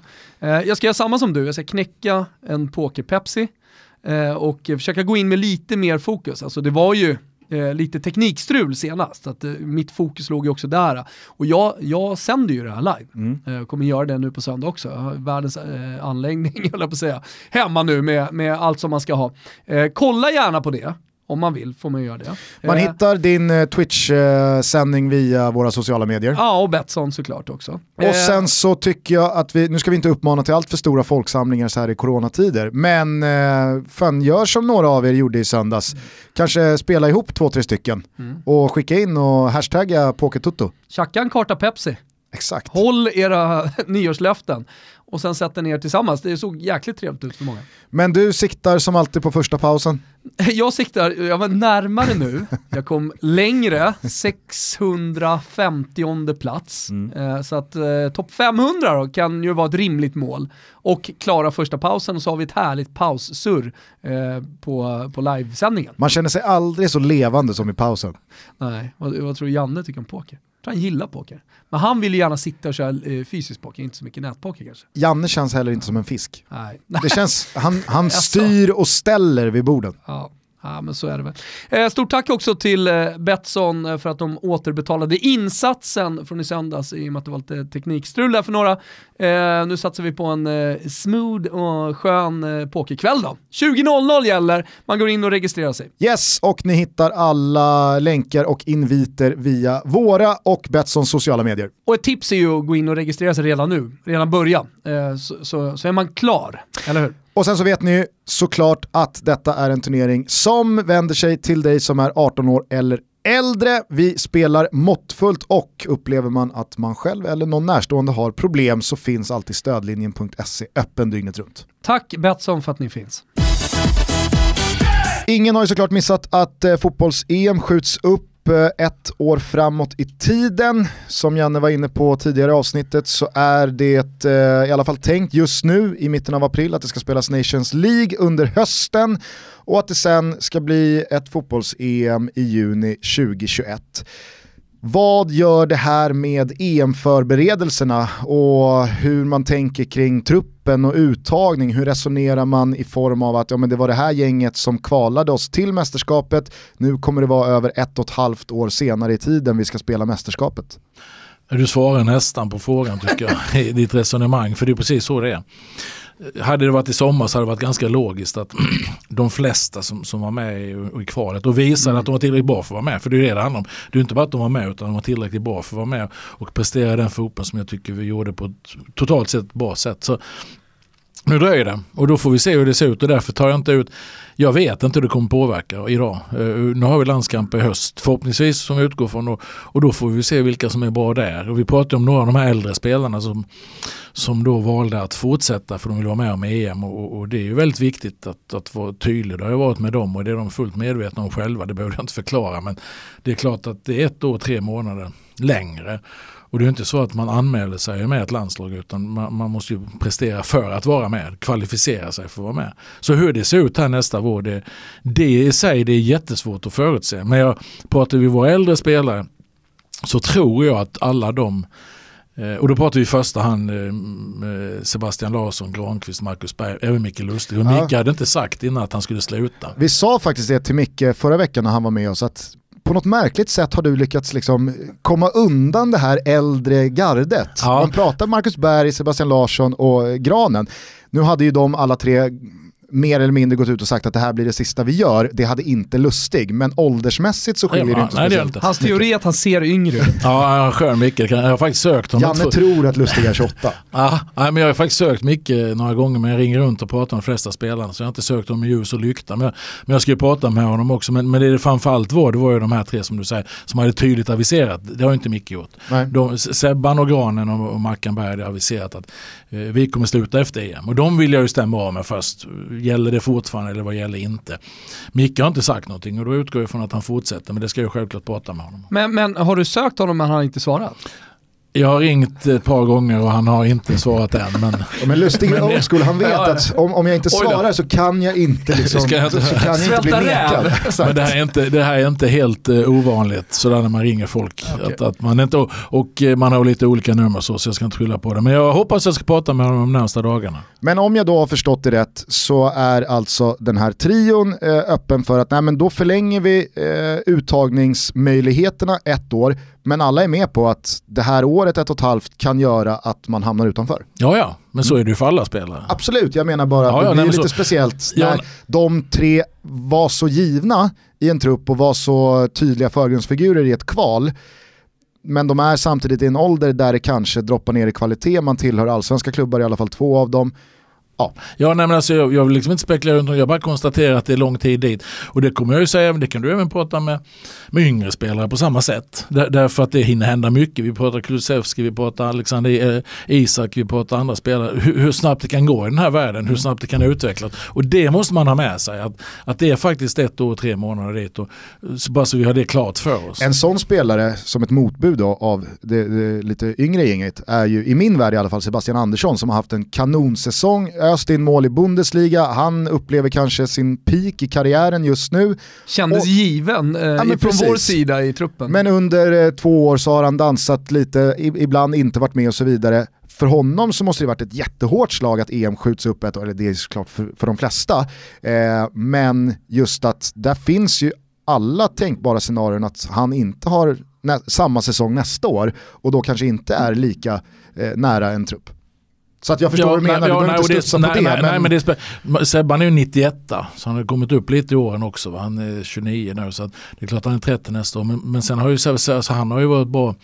Han var i Kaiserslautern innan han kom till Union Berlin gjorde 12 mål i ett lag som åkte ur tror jag. Så att han har ju haft en, en längre period när han varit bra och det hoppas jag att han kommer fortsätta prestera. Sen om han gör exakt lika många mål eller inte men han har nått en nivå i sitt sätt att spela idag som, som är väldigt hög. Så, så är det och det hoppas jag håller ett år till. Jag brukar jobba med teorin om man gör eh, mål i bottenlag så ska de räknas eh, gånger ja, två. Ja. Så han gjorde 24 i min Det är ja, topplag. Det, det, är svår, det är svårt att säga exakt så men... Men, men, men är det, det är helt okej okay, teori? Äh, teorin är det ju samma Robin Quaison som spelar, jag menar Mainz som haft stora problem har gjort 12 eller något sånt också. Va? Så det, det, är klart att de är, det, det, är värt lite mer om du spelar i ett sämre lag, det går inte att komma ifrån. Eh, vi hördes ju för några veckor sedan i Simors eh, sändning Fotbollsonsdag. Då ville ju jag se på glaset, kanske inte som halvfullt, men jag vill i alla fall fokusera på de positiva aspekterna att EM skjuts upp ett år. Och då tänkte jag främst på då Nations League-hösten. I och med motståndet så måste ju det vara sex matcher som rimligtvis gör oss till ett bättre lag och mer konkurrenskraftiga när vi går in i EM 21. Du tänker att det är bra sparring eller? Exakt. Alltså, Ja, ja, rimligtvis så ska det vara så. Sen har det att göra med hur det går. Alltså det är ju alltid sådär, vad, man kan väl säga tidigare så har vi utvecklats mycket av att möta de här braiga lagen. Därför att vi har klarat av det på det är väl egentligen bara en match man känner man i efterhand att vi var riktigt chanslösa. Det är väl Spanien borta. Även om det levde fram till 65-70 så när, det liksom, när den matchen var slut så de var för bra för oss just den dagen. Annars har vi väl känt egentligen i alla matcher att vi har haft chansen mot de här lagen och, och det tror jag vi kan ligga på den nivån igen. Alltså att vi kan hota dem och då ska vi i så fall vara stärkta av det som du beskriver det. Men det, det, det vad hade hänt om vi hade mött något bra lag och något lite mindre bra lag? Hur mycket hade vi kunnat träna på vårt egna spelkontra? För det blir ju speciella matcher. Vi ser ju ut totalt olika och det är ju den flexibiliteten vi har jobbat fram de här åren att möter vi eh, Malta borta som vi gjorde i höstas. Då tränar vi ända fram till Malta-matchen på lördagen på att möta Malta. Då är det mm. jättemycket kring vårt spel. Vi tränar försvarsspel, vi tränar anfallsspel men det är inriktat mot Malta. Sen på söndagen går vi över, då har vi matchen på tisdag mot Spanien hemma. Det är en helt annan typ av, helt andra förutsättningar. Och vårt sätt att kunna hantera den, här, alltså den flexibiliteten i vårt sätt att spela tycker jag har utvecklats jättemycket under EM-kvalet, inte minst, men vi har även tidigare kunnat klara det bra.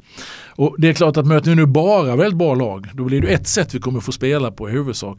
Vi kan liksom inte tro att vi ska gå ut och föra matcherna mot Frankrike och de här lagen. Va? Men vi ska kunna fortsätta utveckla vårt, spel, vårt sätt att spela mot dem också. Fast jag tänker att i och med att sammanhanget är Nations League, man är i A-divisionen, det kanske inte är jordens undergång ifall man kommer sist och åker ner i B-divisionen igen, så har man mer rimliga förutsättningar att kunna nöta grejer, att kunna testa grejer, att kunna träna på grejer som man inte har i ett kval där poängen ger en mästerskapsbiljett som man inte kan hålla på och latcha med. Ja, nej, jag håller inte med dig. Nej. Därför att jag tror så här, eller, att, eller det är nog så att varje match, alltså det, det är unika just med landslag, är det ett klubblag då har man många fler matcher på sig, man kan liksom forma saker in på. Det unika med landslaget är att vi på väldigt få dagar ska kunna spetsa in oss mot just det här motståndet och hitta exakt hur vi ska spela mot dem. Det är det vi tränar på. Det blir som, blir, som, blir vår, som Peter Wettergren säger, vår X-factor. Och då är det det motståndet. Sen några dagar senare så är det ett annat motstånd och då ska vi liksom vara spetsiga i det.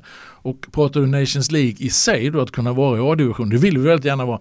Det finns även väldigt mycket ekonomi i det här som man inte ska bortse från. Alltså, och inte minst nu Och en buckla. Och en buckla om man kan vara med och slåss om den. Va? Så att det är inte så att, det jag däremot tycker är tråkigt är att jag inte får några vänskapsmatcher som det ser ut nu då. Det tycker jag är tråkigt, för det tyckte jag var väldigt bra att vi verkligen lät de, man säger andra gänget spela när vi hade en vänskap och en. Det har ju försvunnit med Nations League och det saknar jag, för där, där kunde man ju faktiskt ge folk chansen. Som jag valde jag direkt i höstas när vi slog ut Rumänien, att vi spelar med ett helt annat lag mot Färöarna för de skulle få chansen att visa upp sig. Det saknar jag, för där, där kan man ju testa på ett annat sätt. Mm. Ja, jag tror i alla fall att vi kommer komma till EM 21 som ett bättre Här lag. är du låst Gusten. Ja, men jag, jag är det. Nej men det hoppas och tror jag också att vi fortsätter utvecklas. Det är absolut. För jag tycker att så här, vi kan med, med, eh, Vi fattar. Vi, vi, Vi har fattat. vi är så bra Ja, på att städa förstått. av sämre lag. Vi är så bra på att stå emot de bättre lagen. Men det känns som att vi under hösten också kan utveckla nästa steg, att vi kan tävla med de bästa lagen på deras villkor. Härligt. Ja, Eh. vi, jag hoppas, hoppas att du har rätt. Vi ska göra vårt bästa. En individuell spelaraspekt som också gynnas av det här framskjutna mästerskapet är ju Viktor Claesson. Det måste ju vara ett superplus på spelarsidan. Det är det. Och tittar man generellt så hade vi, hade vi faktiskt rätt så mycket skadeproblem den här våren på olika sätt. Och, och vi pratade Micke Lustig innan som hamnat lite utanför sin klubb. Så, så att det, det, var inte op, det, det såg inte optimalt ut på spelarsidan. Sen vet vi inte hur det ser ut nästa år, det kan man inte veta. Men pratade du rent generellt med Viktor Claesson så fick vi ju någon någon film här via Freddan då, vår sjukgymnast, från Krasnodars sjukgymnast när han var inne. Och det var ungefär i samband med att jag skulle ta ut den här truppen. Där han var inne och eh, Mars eller? Ja, Mars säger att det är nu en månad sedan då att han var inne och, och tränade fullt med laget. Sen pratade jag med Viktor. Mm, fullt och han tränade och pratade med honom. Han var inne och han var med på allt. Men han hade känning fortfarande vissa lägen så han kunde inte maxa i allt. Men han var med och gjorde allt. Så det är ju fantastiskt roligt. För det, det pratas ju, inte officiellt har det inte gjort det, men det pratas ju om att det kunde vara betydligt längre än vad det har varit den här perioden. Och därför är det jätteroligt. Och, och Viktor, jag menar tittar vi Viktor från, från VM och framåt så var han ju fantastiskt bra för oss. Så att visst är det så att det, det, det känns som ett jätteplus. Det, det, det gör det. Eh, sen senast du var här så har det ju hänt en del eh, andra roliga saker på spelarsidan.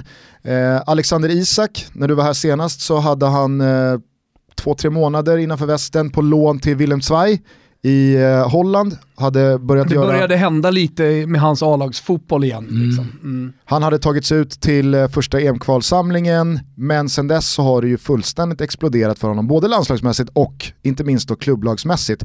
Hur har du upplevt Alexander Isaks senaste kalenderår? Ja, det är ju fantastiskt häftigt och roligt. Alltså, det är ju jätteroligt. Och det inhoppet han gjorde borta mot, mot eh, Norge, den samlingen som var då marssamlingen förra året, där vi gör en fantastisk andra halvlek. Ehm, det, då, där fick man känna första liksom, smaken på hur bra det kan vara. Nej, jag, jag var som sagt på resande fot så jag kom tillbaks till hotellet och såg slutet på matchen när de mötte eh, Barca. Var det, nej, var det Real? De mötte, Eh, I kuppen mötte de Real och slog ut dem. Ja, nej det här var... Ja. Ja, nu kommer jag, men i varje fall jag, jag såg bara precis, jag såg tio minuter på den matchen. Nu blandar jag ihop så mycket Jag, matcher. jag tror att det kan vara den matchen vi var på, Athletic Bilbao i baskderbyt. Men eh, Det kan- berätta ja, vad han gjorde. I varje fall när man ser honom i den matchen mot de spelarna. Så många gånger när man ser en spelare som då är 20 år gammal så kan man ju säga ja, han, han, han är ju lovande säger man. Eller han, är liksom, ja, det, han kan nog bli bra. Eller man, så är det rimliga att förhållningssättet till en 20-åring. Men när man ser honom i den här matchen så är han ju en av dem. Alltså han är ju på den nivån och spelar på den nivån med de bästa. Det var mot Real, jag är nästan säker på nu. Han spelar mot de bästa och är på den nivån som de är 20 år gammal. Det är ju häftigt att se. Så att eh, eh, det ska bli jätteroligt. Det ska bli fantastiskt roligt att fortsätta följa honom. Ändå så har han ju inte, och, och, inga fel i det, herregud, vi har säkrat en EM-biljett på bästa tänkbara sätt. Men det jag skulle komma till så har han ju inte etablerat sig som en given... Har vi en låsning på gång? Nej, han har ju inte etablerat sig som en given startman i A-landslaget. Hur har du tänkt med Alexander Isak? Har du varit lite försiktig? Hur har resonemangen gått eh, för dig? Pratar man med honom? Är man sugen på att ah, han måste in i elvan? Nej, alltså för mig har det varit så att så är det varje laguttagning jag gör. Det är att då tar jag ut det laget som jag tror har störst chans att vinna matchen. Och då bryr jag mig inte om om du är 12 år eller 42 år gammal. Det bekymrar mig inte. Utan, eh, eller vad du är. Utan det är laget som har störst chans att vinna. Och, sen kan man alltid, och det kan man vända och vrida på i många aspekter såklart. Men det är liksom min ingång. Därav var ju till exempel när vi mötte eh, Norge. Norge på hemmaplan, ja, det var ju en sån match. Det var en sån match, då fick ju han och Quaison spela och Marcus Berg på bänken. Då hade Mackan varit lite vissen i veckan och jag, jag, tyckte de såg så bra ut de här pigga de här två. Och just den matchen så blev det ju ingen jättesuccé. Men, men, men, det är första gången och kommer, de kommer spela ihop framöver här och kommer göra det jättebra. Men, så, han har ju varit inne och spelat. Sen mm, tycker jag ju då att jag prioriterat Marcus och Quaison före sedan efter det. Och det är, sen hur det ser ut nu, hur det hade sett ut i mars, det vet vi inte heller. Va? Så att det är en konkurrenssituation där jag varje gång liksom hur, vad vill jag ha ut? Hur, hur, får vi ut max? Och då gäller det att ta ut det laget. Disk, disclaimen på 1242 är att man, man ska vilja spela i landslaget bara. Ja just det, just det. det är viktigt. Det är viktigt att påpeka. Eh, det var det jag skulle komma till vad gäller Alexander Isak. Med många andra spelare blir det ju sällan ett medialt tryck att han ska in i elvan om man inte är i elvan. Men med Alexander Isak så blir det ju ofta så, är han utanför, ja men då blir det väldigt mycket snack från supportrar, från media, varför spelar inte Isak? Känner man av det mycket eller är du bra på att bara stänga av eh, vad, vad andra vill och tycker? Nej, när, när, man, när jag tog det här jobbet så har det även varit i klubbmiljö, även inte varit i närheten. Men när man har den här typen av jobb så måste man klara av att bortse från vad alla tycker och tänker. Därför att skulle jag värdera det som en faktor då skulle det bli oerhört jobbigt. För det är inte alla som tycker likadant heller. Alltså det, man, man, folk tycker olika. Och jag brukar säga att jag har den största respekten för alla uppfattningar. Jag har inga problem med att folk tycker. Det gör mig absolut ingenting men nu är det jag som är förbundskapten och nu är det jag som bestämmer. Och, och om jag då inte bestämmer enligt min egen övertygelse utan i efterhand sitter och ångrar mig för jag faller till föga för massa påtryckningar så att säga. Eller på för opinionen så tror jag att jag inte skulle må bra. Så att jag, jag är ganska bra på att och, eh, hålla ifrån mig uppfattningar eh, och titta krast på vad, vad, vad, liksom, vad tror jag är det bästa tillsammans med mina närmsta kollegor för de lyssnar jag självklart på. Men det är ett ganska litet gäng att lyssna på och sen ytterst är det jag som ska ta beslutet och stå för beslutet. Det är väldigt lätt att tycka massa grejer. Jag är själv supporter till handbollsklubben Drott Halmstad framförallt. Och jag har ju mycket synpunkter när jag gått och tittat på matcher, när jag ser matcher. Eh, för det ska man ju ha som supporter och som åskådare. Men man har ju inte all fakta, all information. Man vet ju inte exakt vad, hur det laget ska spela i alla lägen. Bla, bla, bla, bla, bla. Och därför kan jag sitta på läktaren och skrika, och, för det, det hör till. Men däremot i min roll så är det någonting helt annat. Och där är det upp till mig. Jag har mandatet och då ska jag också göra det på mitt sätt. Det är viktigt. Men nu efter ett år med eh, Alexander Isak hos dig på alla A-landslagssamlingar, finns det någonting som eh, gör att du tvivlar på att han inte kommer tillhöra världstoppen av spelare? Och vad har han som du tycker sticker ut? Så det han har det är att han har en fantastisk eh, flyt, en elegans, en teknik, en, en, känsla för spel, bra spel. Han har ju egentligen allt som spelare ska ha. Det, det som är det är ju att, man kan väl säga, nu ska man inte säga att han behöver bli stor och kraftig, men yngre spelare behöver oftast några år av riktig träning och riktigt på match, högsta nivå för att hålla en jämnhet även fysiskt. Så jag tror att det finns en uppsida på honom. Men rent fotbollsmässigt så har han ju det mesta man ska ha. Bra avslut. Bra, alltså, ja, väldigt bra på väldigt mycket. Bra värderat tycker jag också. Ja, bra värderat. Spelar moget och lite det jag var inne på innan. Man, man, ser inte att han är en ung och lovande spelare utan han spelar som en fullfjädrad spelare. Fast han egentligen bara är ung och lovande om man ska, vara, om man ska se rent krast på det. Så vi får se hur bra han blir men ingen blir gladare än jag om han bara fortsätter utvecklas. Ja, det snackas ju om Barcelona här nu som något alternativ till, till uh, Lautaro Martinez, vi snackade om det senast. Vi får se vad som händer. Var han är i höst och var han uh, befinner sig rent utvecklingsmässigt i vår. Då. Ja, det är ja, spännande. Men det fastnade ju på dig vet jag, alltså de gångerna man pratade med våra landslagskompisar att när de hade gjort sina första träningar med Isak så Ja. var det verkligen wow. Det var Ja. inte, ja, det här är vilken 19-åring som helst som, som har kommit upp och ska göra sina Ja, det var många som var samlingar. imponerade av dem jag pratade med. Ja, nej, men, och, och jag var väl tydlig också när jag tog ut honom att han inte är med för han är ung och lovande utan han är med för att han är tillräckligt bra för att vara med. Det, det är så det måste vara tycker jag. Även fast det har hänt väldigt mycket senaste året för Alexander Isak så hade ju de flesta stenkoll på honom. Men vad än Martin Åslund säger så var det inte många som hade Dejan Kulusevski på sin radar i april 2019. Men nu så är han klar för Juventus för 400 miljoner, han har etablerat sig i Serie A, han har debuterat i tävlingssammanhang i landslaget. Vad kan du säga om Igår beskrev du honom lite som en Robben-typ. Ja, jag tror I Gazzetta dello Sport. Ja just det. Ja, nej, men det är roligt när man, ja, man får frågor och svara sen så blir det, det Nej men visst, nej, men lite den typen är det. Förmågan att flytta boll, komma in från kanten, sätta kompisarna i bolllägen och avsluta själv. Men om du backar Kontrollen. bandet, när dök han upp på din radar? Ja, det var väl egentligen början på hösten när det började gå bra för honom. Alltså jag visste ju vem han var innan eftersom han varit med i våra ungdomslandslag och vi har ju koll på spelarna där ute. Men, men att det skulle vara en spelare som skulle kunna vara med oss under hösten, det hade jag inte en tanke på förra våren. Det måste jag vara ärlig och erkänna. Och det är väl det som är det roliga med fotboll, att det kan gå så snabbt. Så att sen för varje vecka som gick under hösten så till slut var det liksom självklart att han skulle vara med. Från att man knappt hade tänkt på det. Va? Den utvecklingen hade han ju. Och vad är dina intryck av honom när du har jobbat med honom? Klok, alltså klok spelare eh, har ju spetsen som är väldigt intressant att kunna flytta sig med boll på ett sätt och skapa utrymme och sen så då överblicken att han har ju några fantastiska framspelningar men även själv när han kommer till avslut. Så att har ju de här avgörande egenskaperna som är så oerhört viktiga att ha i ett fotbollslag. Eh, jag läste också dina svar här i Gazettan. Eh, dels då att han har lite Robin i sig, men också att du lyfter fram hur användbar han är i olika positioner. Men också lite hans optimala position. Jag tänker att landslaget, vart ser du honom där? Ja, ja, det är intressant därför att frågor, vi behöver inte gå in på den intervjun för de, frågorna var nog ställda på ett visst sätt så jag svarar egentligen på, det var nog mer journalisten som resonerade kring position men för mig hos oss har jag ju sagt att som det har sett ut nu så är han ju en yttermittfältare hos oss som, som kommer in i planen i vårt 4-4-2 precis som han spelade mot Färöarna. Va? Mm.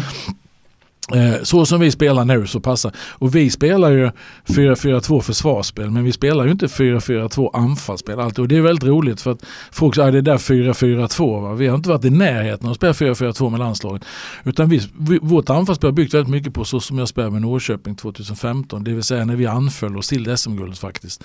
Genom att ha ett väldigt bra anfallsspel. Där vi gick över och spelade en 3-5-2. Men vi kan spela en speluppbyggnad med två stycken backlinjespelare. Och då kan vi trycka in bägge yttermittfältarna. Vi kan också spela på tre och motståndarspelare med två forwards. Och då trycker vi in den ena yttermittfältaren. Och jag ser honom som en yttermittfältare i försvarsspel som kommer in i anfallsspelet. Kommer in från sin högersida, ungefär som Emil Forsberg gör från vänstersidan hos oss. Komma in och hitta lösningar därifrån och attackera. Där är den rollen tror jag är perfekt för honom. Sen får han falla ner i ett 4-4-2 som yttermittfältare och ligga i försvarsspel. Men det är väl så med den svenska fotbollsterminologin att vaggan ute på Bosön och den svenska modellen gör att man alltid pratar uppställningar utifrån försvarsspel. Ja, men det gör man. Och det, och det är jättebra att du säger det men jag, jag kan bli lite trött ibland för det är samma när vi spelar, ska ni spela för, nej men vi, vi, alltså anfallsspel, nej vi spelar inte 4-4-2. spela motståndaren med tre forwards och går högt på oss, då, då spelar vi 4-4-2 kan man säga.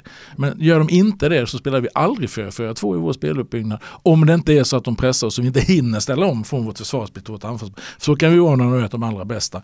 Går Spanien väldigt högt på oss nere på Santiago Bernabéu så är det svårt att hinna ändra utgångspositionerna. Men, men vi spelar alltså inte 4-4-2 klassiskt anfallsmässigt. Vi spelar något helt annat. Däremot vill vi alltid spela med två forwards som det har varit så här långt. För det tycker vi, även när vi hamnar tillbakatryckt lite mot de här bästa lagen så har vi två forwards så kan alltid de två binda fast bollen lite enklare. Spelar man med en där så är det lätt att han blir väldigt isolerad och då, då, då kommer man liksom inte ur greppet. Så vi vill gärna ligga kvar med två forwards för att sen kunna ställa om på de två i så fall.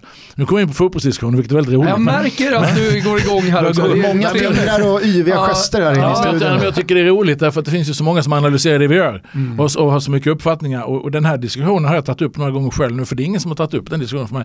För man bara säger att Sverige spelar 4-4-2. Nej, men vi, ja, försvarsmässigt men vi gör det inte Men anfallsmässigt. Toto Tänker du, ofta, tänker du ofta numerärt annars? Jag vet eh, Cesare Prandelli, före detta italienska förbundskaptenen, är, väldigt mycket emot det här att prata 4-2-3-1 och 4-3-3, n- nummer och sådär i spelet. När du ska uppfylla vissa, det är ju bredd och djup och du ska uppfylla vissa, vissa delar av planen där du ska ha folk. Och då kan man prata för olika typer av formationer, man kan prata annat. Men i grunden för mig så finns ju ändå siffrorna med för det, det beskriver ändå någonting det beskriver ändå någonting. Du har tre backlinjespelare som man spelar upp, ja då vet man, då, är, då vill vi inte ha ner en central mittfältare till exempel. Många kan ju spela med två mittbackar, trycka bägge ytterbackarna och så plockar de med en central fältare, antingen på utsidan om deras forwards eller mellan och så vidare. Men vi vill inte göra det, utan vi vill ligga med tre backlinjespelare. Så det finns, men, men det är en intressant diskussion och just det, för mig är det väldigt intressant att man inte mer har frågat om det här, pratat om hur vi tänker i vårt anfallsspel. Utan man bara säger att det är 4-4-2 så stämplar man det så utan att titta vidare. Och det är intressant. N när ni vinner boll, tänker jag då, och ni har två forwards, då är första ytan ni söker borde ju vara den centralt framåt.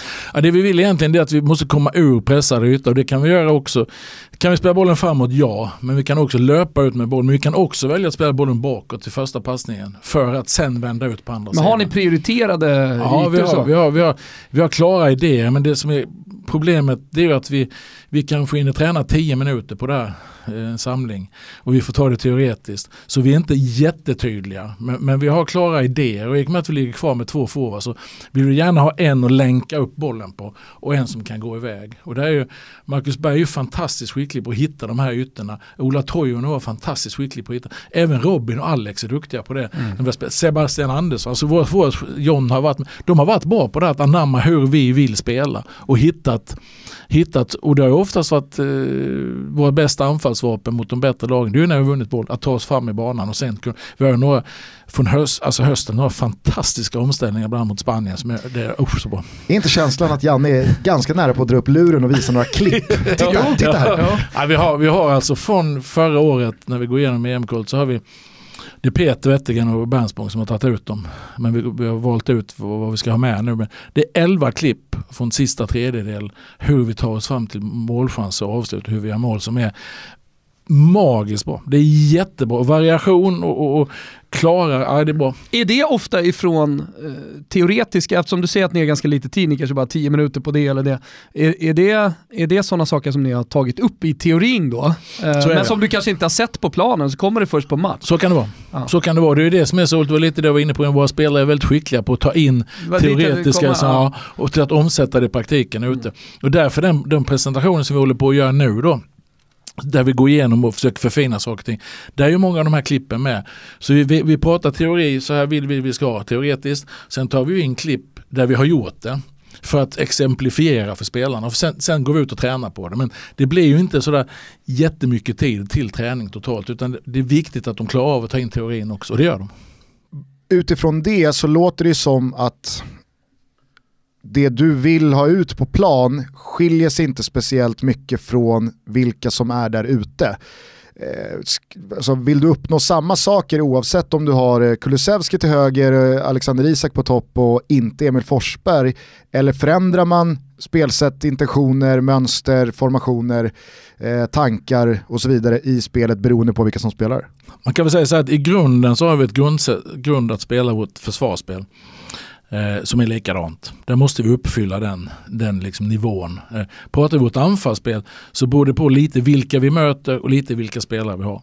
Spelar vi till exempel med, med Emil Forsberg till vänster och, och eh, så får vi en annan spelartyp till höger. Eh, då kanske jag spelat med Sebastian Larsson till höger mot de lite bättre lagen för att ha en bättre balans. Och så, så Då tittar vi på det men sen i position så förväntar vi oss ungefär detsamma. Sen blir det olika utifrån utifrån spelarens egna egenskaper. Det är det jag brukar säga, hur, hur ska ni utveckla landslagets spel? Ja, det är ganska svårt för oss att med den lilla tiden vi har att utveckla ett spel för det handlar om samhandling, man ska kunna läsa av varandra, anfallsspelet. Då.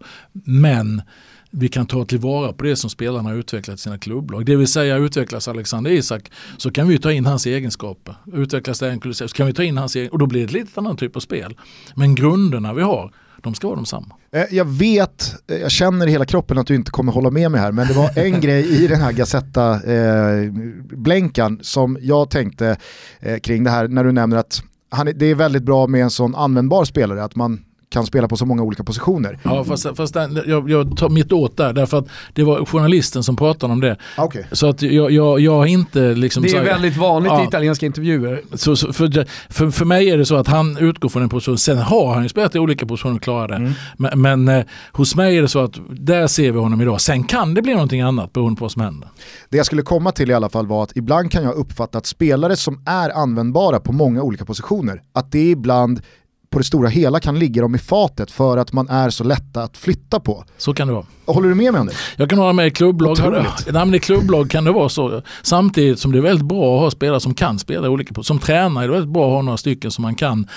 Nu blir den skadad och kan flytta dit honom och, så här, och som klarar olika positioner. Men, men jag, jag, jag, i ett landslag tror jag inte det är så. För det är så skarpt läge varje gång man tar ut exakt en match. Exakt. Men i ett klubblag har jag varit med om det. Att det har varit spelare som har varit så. Som har lidit lite av det själva. Det håller jag med Ni, om. ni vet ju vem man alltid pratar om som man kunde använda Magnus Erlingmark. Ja, exakt. Ja just det. Ja. Har han några landskamper? Ja, Magnus Erlingmark. Ja. Han, har många, han var många i truppen men jag vet inte hur många Han spelare. har men, typ lika hur- många hur landskamper speltid? på olika positioner som han har landskamper. Ja. Ja, men hur mycket speltid? Jo, men han, han spelade en hel del på Och 90 för att han hade då den egenskapen att kunna spela. Eh, två andra spelare bara som jag tycker har stuckit ut eh, under eh, året sen sist du var här. Marcus Danielsson eh, gjorde ju en otrolig eh, säsong i fjol både på klubblagsnivå och landslagsnivå. Hur upplevde du det? Det måste varit häftigt som förbundskapten att följa hans väg från allsvenskan och Djurgården hela vägen in i landslaget, målskytt och nu massa Är miljoner han i lite som den där Kalmarbacken men han fick faktiskt chansen i landslaget. Som Bagan. Ja. Ja, nej men Ma- Mackan var ju alltså redan för, redan för tre år sedan, vi pratade alltid om de allsvenska tränarna innan vi ska ta ut januaritruppen. Joel Cedergren som jag hade som spelare en gång i tiden i Halmstad för länge sedan. Pratade ju väl om Mackan redan för tre år sedan för mig. Så att eh, han, är ju allsvenskans bästa mittback. Så tänkte jag, Joel är ju, nej, nu är det fel på det Joel. Men, sen, när man, men Mackan är ju också en sån där, börjar man titta på Mackan så blir han ju bra. Alltså jag nämnde eh, Tom Jönsson, jag nämnde Andreas Johansson, han är ju likadan. Han gör ju omgivningen bra alltså. Så han var med tidigt på vår radar. Det var inte långt ifrån att han var med redan i juni. Väldigt nära. Vi hade skador både på Victor Nilsson Lindlöf och Andreas Granqvist. Då kom han inte med. Sen tog jag inte med honom i augusti och då blev det ett ramaskri att han inte var med. Vilket var väldigt roligt. Det var ingen som pratade om honom i juni. Men, men, men eh, också kul att, att, att man som lite äldre spelare född 89, man, att man kan fortsätta utvecklas. Det, det är också sådär stärkande. Det är som Viktor Claesson när han var yngre. Men att man faktiskt som 24-25-åring kan gå till Krasnodar och sen bara fortsätta utvecklas. Det behöver, du behöver inte vara som bäst när du är 18-19 år utan du kan utvecklas. Om du har rätt attityd, inställning och en seriös idrottsman så kan du fortsätta utvecklas. Och Mackan är ett jättebra exempel på det så att det är fantastiskt kul för honom. Det, det var jätteroligt och ansiktsuttrycket när jag talade om för honom att han skulle spela Malta borta är obetalbart för att han, han, han, att han bara var med i truppen tyckte han ju var jätteroligt att komma med såklart. Och sen när jag sa till dem dagen att han skulle spela så jag, chock var det väl det närmaste jag kan komma när jag såg Så gör jag mål efter sju minuter. Så gör han mål efter sju minuter. Så det var, eh, det var fantastiskt roligt för honom. Det var han väl Det måste ju kännas i tränarhjärtat också. Ja men det gör det. Även om roligt. det är vinna hela tiden och resultat. och Ja det men det är det, men ju- just att det kan bli, jag tycker om det att det kan ske på olika sätt. För fotboll är ingen fast vetenskap och det kan jag tycka ibland att man generaliserar, det är så jäkla svart och Tack. vitt alltid. Men det finns så många olika sätt att göra saker och ting på. Och i det här fallet var det en väldigt tuff uttagning så var klart för oss. För jag tog ju väck Filip Helander som egentligen, eller tog väck, han stod ju på tur och spela. Egentligen den matchen, Victor Nilsson Lindberg kunde inte spela. Och Ponne var inte med. Så det var ju Filips tur så att säga. Så det var väldigt tufft att inte få ta med Filip där. Men för mig var motiveringen både för Filip och, och, och generellt att jag räknade med att vi skulle ha mycket boll mot Malta borta och då kände jag att Mackan var en bättre spelare att ha i speluppbyggnaden på det sättet. Och det, det, det var den värderingen jag gjorde och det, den gången så blev det bra. Kan du känna eh, som förbundskapten och då ändå, du har haft en kort, men eh, när Danielsson går till Kina och tjänar en massa, massa pengar, att han sent på karriären också får betalt ekonomiskt, kan du känna någon slags glädje för hans skull då? Ja, men det kan, det var han fan värd. Ja, det var han värd. Det- Johansson hade fan varit värd Ja, 50 ja. millar i Kina liksom. Ja det hade han varit. Men, nej men, jo, nej men det kan jag nog tycka. Det Du kan jag vet nog inte vad tycka. han hade i Peking. Nej, visserligen. Nej men det, det, det ligger lite i all- alla som är, men sen är det ju så många som är, det finns ju så jättemånga idrottsmän som är så seriösa och jobbar som inte får chansen också. De kan jag tycka lite synd om ibland för många gånger så är inte marginalerna så jäkla stora. Va? Så det, det, det händer någonting i karriären på vägen som ändrar och sen så helt plötsligt har det här blivit, tagit vägen någonstans. Och det finns så många som, om vi pratar tränare är det samma sak, det finns så många duktiga tränare. Jag är så oerhört ödmjuk inför det att jag råkar vara förbundskapten. Det finns så jäkla många duktiga som skulle kunna ha det här jobbet. Och det är många som tycker det också att det är andra som borde haft det kanske. Men, men, men just att eh, man ska vara så ödmjuk att man har fått chansen, att man fått möjligheten. Och det, det, det är inte många som får det. Så det är väl värt mackan den delen. Sen hade jag kanske hellre haft honom på närmare håll utifrån ett landslagsperspektiv. Men vad det gäller då alla som eh, aspirerar på att bli förbundskaptener så, så kanske de får det tufft. Du har ändå öppnat dörren, vad jag förstod, jag bara läste rubrikerna, till, till att eh, köra Ja, ja. livet ut. Ja, ja, livet ut. Det läste jag. Sen vet man aldrig hur gammal man blir. Eller var du felciterad där också? Nej det var jag inte.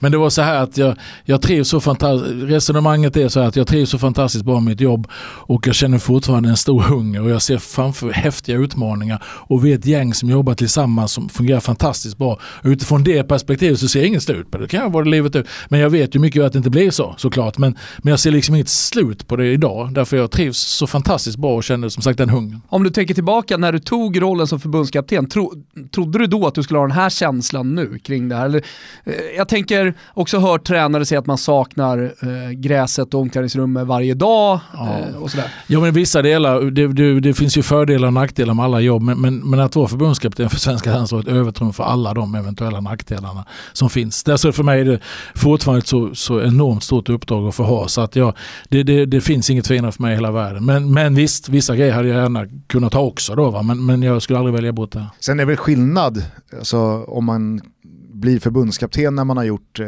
tre, fyra, kanske fem allsvenska säsonger eller klubblagssäsonger. Janne har ju doktorerat i allsvenska säsonger och har ett SM-guld. Alltså man, man kanske, man två, kanske inte... Två SM-guld. Två SM-guld. 19 säsonger. Sorry, eh, men du förstår vad jag menar, ja, att man ja. inte känner den här Eh, liksom Nej, men, jättelängtan tillbaka till nej, det. Men så är det nog, du var inne på min ålder tidigare på ett lite fint sätt att uttrycka det. Jag, jag har hållit på i så många år så jag har gjort mycket av det här. Därmed inte sagt att jag skulle kunna komma dit igen men, men på något sätt så ligger det här rätt i mitt liv nu och i min karriär så, så passar det här väldigt bra in. Och vi är nöjda. Ja, verkligen. Eh, du får gärna vara livet ut. Eh, sista bara spelaren jag skulle vilja eh, toucha, eh, sett till eh, året som har gått sen sist du var här, är ju Darjan Bojanic som i fjol fick ett otroligt genombrott på allsvensk nivå, nationell nivå. Eh, är ju inte heller purung, men om man tolkade dig rätt under januariturnén, gjorde ett väldigt starkt intryck och bra insatser på plan. Hur ser du på den här spelaren? Är det en spelartyp som man kanske har saknat lite i landslaget eller vad har han som får det att kittla hos dig? Ja, det får kittla, det är ju hans, hans skicklighet, hans passningsskicklighet och hans tekniska. Alltså jag, jag tycker han gjorde jättebra Hammarby. Jag, det är roligt också, man ser, alltså, den här januariturnén är ju viktig för oss för att just lära känna spelarna.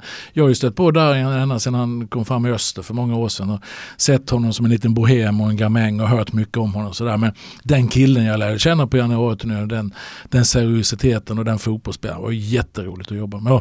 Men Tittar man på honom som typ, ja då är han ju lite annorlunda än Gustav Svensson eller, eller Jakob Johansson. Och så. Det, det är ju en annan typ av spelare. Så visst är det kittlande med den typen av spelare också. Sen är det så många delar som ska uppfyllas. Jag är ju väldigt glad för att Kristoffer Olsson har fått den utveckling han har fått. För han har ju öppnat upp för oss att spela på ett litet annorlunda sätt. Apropå det här att ut tillvarata vilka spelare som finns och deras egenskaper. Men jag, det ska bli jätteroligt att följa där. Nu är han född 94 så han är han är inte purung på det sättet men fortfarande så tror jag att eftersom eh, hans karriär inte varit spikrak så tror jag att det finns en fortsatt utveckling i honom. Det tror jag absolut. Ja. Var han med i diskussionen kring den truppen som du skulle ha tagit ut i mars? Da, da, da, da, da. ja, ja. man måste försöka i alla fall. Ja. Man hade velat se, för du hade väl truppen klar? Ja i princip, men jag brukar säga så, vilket den här gången visar sig vara helt rätt, att jag tar aldrig ut truppen för precis när jag måste göra det. För det kan hända så mycket på vägen och den här gången hände att det inte blev någonting alls. Att, men visst, många, eh, det, det, det, som var både bra och dåligt, höll jag på att säga, eller det var bara dåligt att det inte blev någonting nu i mars såklart och att det inte blir EM, det är bara dåligt. Men det som hade varit kittlande lite i mars det var att det var en del spelare som hade lite skadeproblem och det var lite, så hade du fått chansen att se lite andra spelare än vad det kanske hade varit om jag hade liksom tagit ut de skarpaste, om det hade varit det skarpaste läget. Det var jättesynd, för det var flera som jag hade sett fram emot att se i, i, i vårt sätt att spela som jag inte hade sett så mycket. Så det var synd.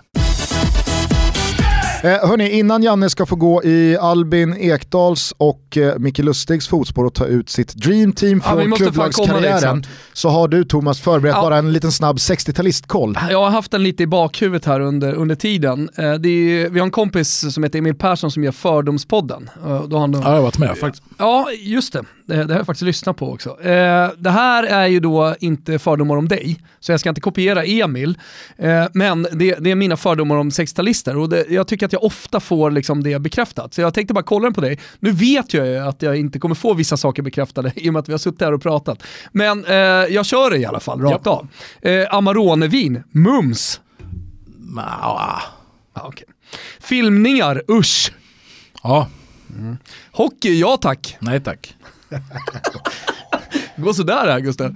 Nej, hockey, det, ska, jag ska inte utveckla det för det, det, är, det är fotboll och handboll, sen är hockey okej. Ja, okej då. Eh, du har alltid upplevt att det är lite lurigt med modern passform på jeans. Och så ser jag att du sitter här i ett par moderna jeans. Som och, sitter kanon. sitter Jag, kanon. jag tror det, där- det, det, det är nog fel faktiskt. Eh, om jag säger Diego Armando, säger du? När du säger Maradona, det är fantastiskt. Vi hade Limpara förra veckan, han körde 60-talist, eh, vanliga Maradona Ja, okej. med två. Eh, röstar, det gör man på sossarna. Kan man göra. Helst grillchips va? Nej. Tycker inte om chips. Men Det här- jo, jo, dill är bra, men inte grill. Sour cream bra. Dill, är inte det nästa grill? Ja. Det, det, nej, Ja, okej då. Det här med IPA-öl känns lite nytt och läskigt. det är helt obegripligt varför man ska hålla på med det. Finns vanlig god lager, ta den. Även om du inte gjort det så skulle du utan problem spika ihop en trall. Ja, Bra, det var det. Lägga en trall, det kan man bara. ja det var sitt. Ja, har du gjort det? Ja, ja, ja, ja, det har jag. Så kan man säga. Ska vi då ge oss i kast med Jannes Dream Team från klubblagskarriären som tränare? Det innefattar eh, 11 säsonger eh, i Halmstad, om vi räknar från 2000 till... Ja, man, ja, man, Hur ser du på din Halmstad-tid? Halmstad-tiden är ju egentligen eh, assisterande tränare eh, 90, 91, 92 och sen så var jag assisterande 99 till 03 och sen är jag chefstränare 04 till 09 så det, ja, är men det var det år. jag tänkte, jag tänkte 99 där till 09 Ja, det- Halmstad och sen så har vi mm. ÖIS 2010 och Norrköping till, och eh, Norrköping till 16. 11 till eh, 16, sommaren 16. sommaren 16. För att landslaget lyfter vi ur den här diskussionen. Det blir lite, så rimligtvis så är det ju väldigt lätt då att ja, det här är, det- tio av de här är de bä- elva bästa spelarna jag har haft. Jo. Och så väl förberedd som Jan Andersson alltid är, är han även hos oss. Det vecklas ut ett A4-papper här. Du har Ja. suttit och tänkt på din kammare. Ja, jag satt och klurade lite på morgonen bara för att det, man, man glömmer ju bort spelare och tiden går. Man, tycker alltså så, man träffar någon gammal spelare så visar det sig att han är 50 år nu. Alltså det blir man så här, jaha, så, hur gick det till? Du Men- kollar, du, det första du gör är kolla på fysiken. Liksom. Ja, nej, men- är, är han redo för spel? Nej men HBK hörde av sig igår hemma i Halmstad och ville göra någon intervju. Gick in så kolla på vår hemsida, vi har lite intervjuer med Stefan Wennberg som jag hade där för 20 år sedan. Han fyllde 50 igår. Alltså det är helt overkligt. Alltså. Men, nej men alltså drömelva är ju jättesvårt. Men jag har ju lyckan och jobbat med väldigt många bra spelare. Så att jag plockade ut följande gäng. Jag är inte riktigt klar. Är du okej? Härligt, Du, det blir, är bra. du kan blir vi- klar live liksom. Jag, jag, jag, Ja, jag bra. tror jag blir klar. Målvakt Magnus Bane. Ja, ja, Fantastiska fötter. Alltså, Men en- vart tog han vägen? Han var ju i Halmstad, sen försvann han till Assyriska och sen flyttade han hem till Åbo och sen har han slutat spela. Han eh, var på gång till Norrköping en period också vet jag, men det var innan jag kom dit. Men en, en, en fantastiskt skön kille och en riktigt bra målvakt som fick sommaren, nu drar jag massa gamla anekdoter, Som, sommaren 2007 så, så ledde vi allsvenskan målskillnad efter 18 omgångar och vi hade fasen haft chansen, vi slutade sjua där det året. Men han drog korsbandet en tisdagkväll hemma på Örjansvall, 28 juli tror jag det var. Och hemma på Örjansvall mot IFK Göteborg. Och där försvann nog vår chansen. Han var så bra då. Han var Och- så bra. Och var det då en skada som sen gjorde att han aldrig riktigt kom upp? Han kom tillbaks I igen. nivå, han, ja, han kom tillbaks igen men ja, det gjorde han nog inte riktigt. Och sen kom faktiskt Kalle Jonsson som vi i landslaget. Då släppte jag ju fram som 18-19 och petade Magnus en, en period på hösten där 2009. Men, men nej, Magnus är en fantastiskt eh, bra, hans fötter är, han sköt ju hårdast av alla spelarna. Alltså som målvakt. Fantastiskt tillslag. Tog han några frisparkar? Jag tänker Chilavert-typen. Nej men vi, vi pratade om det. Skulle vi, komma i, skulle vi komma i läge där det var så skulle han upp och sopa till. För det är en viss risk att ha en keeper Mm. Men, men, men var det läge så skulle han ta för fantastiskt tillslag. Fan fint om han hade blivit Sveriges Chilavert. Ja, verkligen. Nej, men, eh, jag, jag måste säga att eh, det förvånar mig, han konkurrerar ju med tunga målvakter du har haft eh, Ja, i dina klubblag. Alltså, jag tänker Håkan Svensson och Conny Johansson. Conny hade jag många år både i Laholm och sen i HBK och sen Mito Nilsson i Norrköping och sådär. Men när man ska liksom plocka ut någon som fastnat lite, bra killar, bra fotbollsspelare. Men, men Bane var, alltså han hade något extra. Vilka har vi i backlinjen då? Är, är det en fyrmanna eller? Ja, jag- det blev en, var en femmanna från början men tänkte det är för defensivt. Men Micke Nilsson helt given som högerback. Han, han eh, gjorde jag ju om och vi om till, till ytterback och sen gjorde han väl 60-70 landskamper som det hade en jättefin karriär. Eh, mittbackar också ganska givna. Det är Petter Hansson och Micke Svensson. Det är tunga artilleriet. Och sen så hade vi de, de eh, spelade ihop i landslaget men inte annat gjorde ett antal. De var, 98 var de i HBK som 22 och 23-åringar så var de mittbackspar i HBKs B-lag. Hm. Smaka på den. Ja, och så Micke Nilsson utanför. Och så Micke Nilsson utanför. Micke kom året efter. Men, men alltså helt ute. Och vänsterback Tommy Jönsson, han kom ju till Halmstad som, från Malmö FF som vänsterback faktiskt från början. Och blev sen mittback hos oss i många, många år. En riktigt bra fotbollsspelare. Alltså det är väl typ Sviridauskas emot, annars är ju det där 2000-talets mest givna Halmstad-backlinje. Ja det är det. Och vi måste nämna Thomas Sviridauskas som står längst ner på lappen också. För han, han skulle jag vilja trycka in någonstans. Visa Janne här och vi har sett. Ja, ni har sett lappen här nu. Alltså han är Eh, en av, ja, det gick ja. inte att läsa alltså, men jag menar att du visade lappen. Där har du.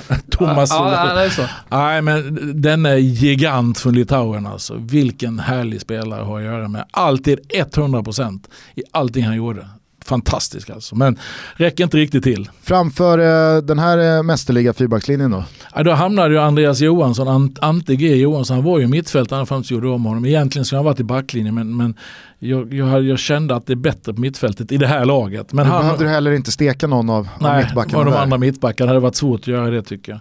Det är många landskamper på Peter Hansson. Så vad hände då med Ante Johansson som kunde spela på olika positioner? Då hamnade han, han på mittfält. Flytt, han fick flyttas på. Helt rätt. Och där hamnade han tillsammans med Daniel Sjölund som jag hade i Norrköping som var en fantastiskt skicklig fotbollsspelare och, och som jag hade span på redan i Djurgården för många år sedan. Men, men det, det, då, den perioden han inte platsade i Djurgården men sen fick han ju sitt genombrott och var väldigt bra där också. Så en spelare som jag följde många år lyckades få från, från Åtvid till Norrköping på, här på slutet på karriären och var en, en jättenyckel för oss i Norrköping till vårt guld.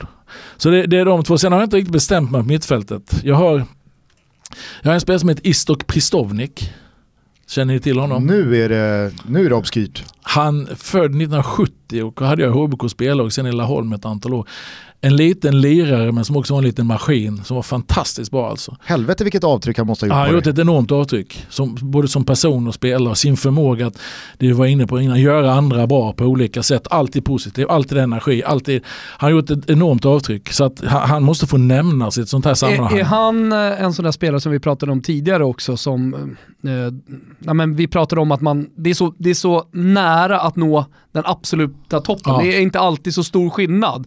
Att han, han hade lika gärna kunnat nått he gått hela vägen. Han skulle kunnat gå hela vägen. Han gjorde nog några allsvenska matcher men det, det var, på den tiden var bara tre avbytare och det fanns folk som gick före i kön vid den perioden. Så han, han är definitivt en sån som jag tror kunde gått hela vägen. Men han tar sig alltså inte hela han vägen in? Inte hela vägen, han får, han får sätta sig med Svirre på, han, på kvisten? Han får sätta sig där. Men sen har jag ju två, det här blir, det blir väldigt centralt mittfält men det kan det bli. Då har ju Tobbe Arvidsson, måste jag höra med, 336 allsvenska matcher i HBK. Allsvenskans, vill jag påstå, fulaste spelare genom tiderna. Och hade förmågan liksom att sparka inte ner folk, så kunde han tjata ner dem. Eh, svensk mästare i pressspel. Han kunde precis som Jonas Tern dela av en hel planhalva i sitt sätt att och liksom styra en spelare. Fantastiskt alltså. Gå in och titta. Det är instruktionsfilmer på hur man pressar en spelare i Tobbe. Och skulle han ändå komma efter så sparkar han ner dem. Så han, han helt unik i, i, som spelare och attityd och allting.